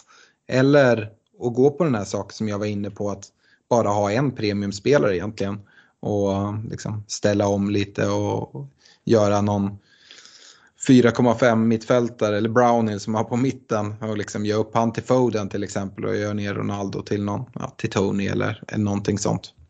Ja, nej, han får känna efter själv. Vi har ju varit inne på det att vi tycker att det, det är en fördel att ha flexibilitet och liksom behålla en av de här dyrare anfallarna för vi vet inte vad som händer. Mm. Och, jag tror att många kommer vilja ha Kane och Ronaldo mm. när de ska möta skräpgängen. Och, och, liksom, och, det får man ju väga mot. Jag tror absolut man kommer, runt, eller kommer undan med bara ha Salah. Sett mm. till att man bara kappar honom hela tiden. Mm. Men, men, det kommer bli jobbigt eh, att ställa om om det, om det inte faller väl ut. Mm. Nej, så är det verkligen. Eh, Mattias Torbjörnssons fråga, han undrar också vad han ska göra med Ronaldo. Jag tycker vi har svarat på det. Um, Robert Jonsson han sitter fortfarande med Lukaku och letar bästa ersättare. Han har Jiménez Antonio eh, och han har inte råd med Kane som vi har pratat mycket om. Eh, då är det svårt eh, Fredrik. Ja, men då kanske det är läge på strukturomvandlingen då. Eh, som sagt valde ju själv att gå på den med bara Salah som, som riktig premium. Eh, växlar han ner eh, Lukaku till en liksom, ja, men någon i den högre midprice-delen så, så, får han ju loss väldigt mycket pengar och då kanske det går att uppgradera någon. Antingen i backlinjen eller på mittfältet. Mm. Antingen det eller ett dubbelbyte. Så han har råd med Kane om man nu vill ha in honom. Eh, då kan han göra Lukaku till Kane. Eh, säg att han, eh, ja nu vet jag inte hur hans lag ser ut i övrigt, om man kan hitta lite pengar någonstans eh, och då få in Kane och liksom någon annan. Annars kanske något av de andra anfallarna byter Jiménez eller Antonio till en, till en Tony till exempel och så får han, får han in Kane istället för Lukaku också och gör lite anfallsskiften. Kan vara ett sätt. Mm. Yes, uh, David Kemberg har haft det kämpigt här. Uh, han uh, står inför att göra bytet med att plocka ut Pereira och Alonso i backlinjen samt Sar på mittfältet och letar ersättare. Är det värt att ta minus fyra för att snabba på omställningen? Han har inga stora tillgångar på banken eller så. Eller ska han liksom sitta och plocka dem en efter en? Eh, wildcardet antar jag redan är draget där, Stefan. Vilka spelare var det sa du? Eh, Pereira i Leicester, Alonso i Chelsea och så Sarr i Watford. Eh, jag tycker fortfarande Alonso är prio. Eh, alltså Pereira har, har, fortfarande bra matcher. Eh, Sarr är väl liksom, har inte, det var ju lite käftsmäll att, eh, att han blev utbytt här eh, mot Everton och så går Watford ju fyra baljor när han sitter och kollar på. Eh, den såg inte jag komma inför, inför veckan. Eh, men, men jag vet inte, betyder det att han eh, är bänkad här? Det är Southampton på hemmaplan nu Eh, jag hade nog gett honom en vecka till, så jag hade nog prioriterat Alonso eh, och kanske inte tagit minus den här gameweeken. Nej. Eh, Fredrik Henrik Bratt, han tycker det är dags för Semedo att lämna bygget. Han drog ju på sig den där dumma jävla straffen senast. Jag är också Semedo och det är inte spelare som jag älskar att sitta med men ser inte jätteproblem med honom. Men Henrik har tröttnat fullständigt. Han sitter med Trent, Livramento, White och Rydiger i övrigt. Har en budget på 6,0. Eh, kika mot Chelsea-försvararen i James eller Chilwell. Men eh, är osäker på att dubbla upp med Chelsea-försvaret. Mm, vad, mm. vad tänker vi där då? Ja, den är ju klurig. Eh, utifrån de försvararna du räknar upp som han har låter det inte som att det brinner i försvarsdelen direkt. Eh, och då kan ju ett alternativ vara liksom att köpa sig en veckas kunskap till och bara vila lite på hanen. För så är, ja, jo det är klart att bytet lockar, det, det förstår jag också. Eh, men eh, jag vet inte, jag, med den försvarslinan hade jag lätt kunnat tänkt mig att bara hålla honom en vecka till för att hellre sitta två fria. Ja, han har ju ingen City-försvarare. Eh, jag tycker inte det är fel att dubbla upp Chelsea-försvaret och sitta med Rydiger och en James eller Rydiger och en Chilwell. Eh, förvisso. Eh, men kanske hade hellre suttit med en, med en City-försvarare. Nu är de lite dyrare. Han har 6,0. Det räcker varken till Diaz eller Cancelo. Så att, ehm, ja, jag vet inte. Om, om man nödvändigtvis ska plocka ut sig den här gameweeken då hade jag nog gått på Chelsea, Chelsea spåret som man är inne på. Eh, och jag har ju sagt det, jag tror jag håller Chilwell snäppet före James. Men där är ju verkligen smaken som baken och eh, Stefan uh, har lagt ut korten för, för James där också. Så att, mm. eh, han nämner det Henrik, är Chaloba, är det ett alternativ eller ska jag titta någon annanstans? Och nej, Chaloba är inte alternativet om du ska dubbla upp i, i Chelsea-försvaret tycker jag. Uh, avslutningsvis, sista frågan. Det blir mycket frågor här. Thomas Tompa Källqvist. Uh, han undrar om det är dags att, att, dumpa Adam Armstrong efter två omgångar. Och jag känner lite att jag får ta på mig den här. Uh, jag rekade ju honom och han skriver det. Jag, jag, tog in han för de fina omgångarna som väntar men typiskt nog har han blivit bänkad. Eller får han en start nu tro? Ja, jag vet inte. Han spelade ligacupen idag men det är väl lite där man roterar. Sen mötte de Chelsea och det är väl Broje, han är väl utlånad från Chelsea, han kanske inte spela. Eh, ja, jag tror att det är läge att byta ut Adam Armstrong. Eh, jag förstår faktiskt inte varför han, han, han blev bänkad. Jag tyckte han hade gjort det bra, de har investerat en hel del pengar. Men Broje har ju inte gjort någonting för att, för att bli utbytt. Så att jag tror han kommer fortsatt förtroende. Så äh, det är nog läge att, att, att se sig om. Och det finns ju en fin ersättare i Tony i den prisklassen. Precis. Gör det. Så att, äh, det är nog läge att, att hoppa av skulle jag tro. Eh, med det så, så tackar vi eh, och eh, stort tack för att ni har lyssnat. Vi är tillbaka nästa vecka igen och stort lycka till här inför Game Week 10. Ha det bra! Ha det bra! Ha det gott, ciao!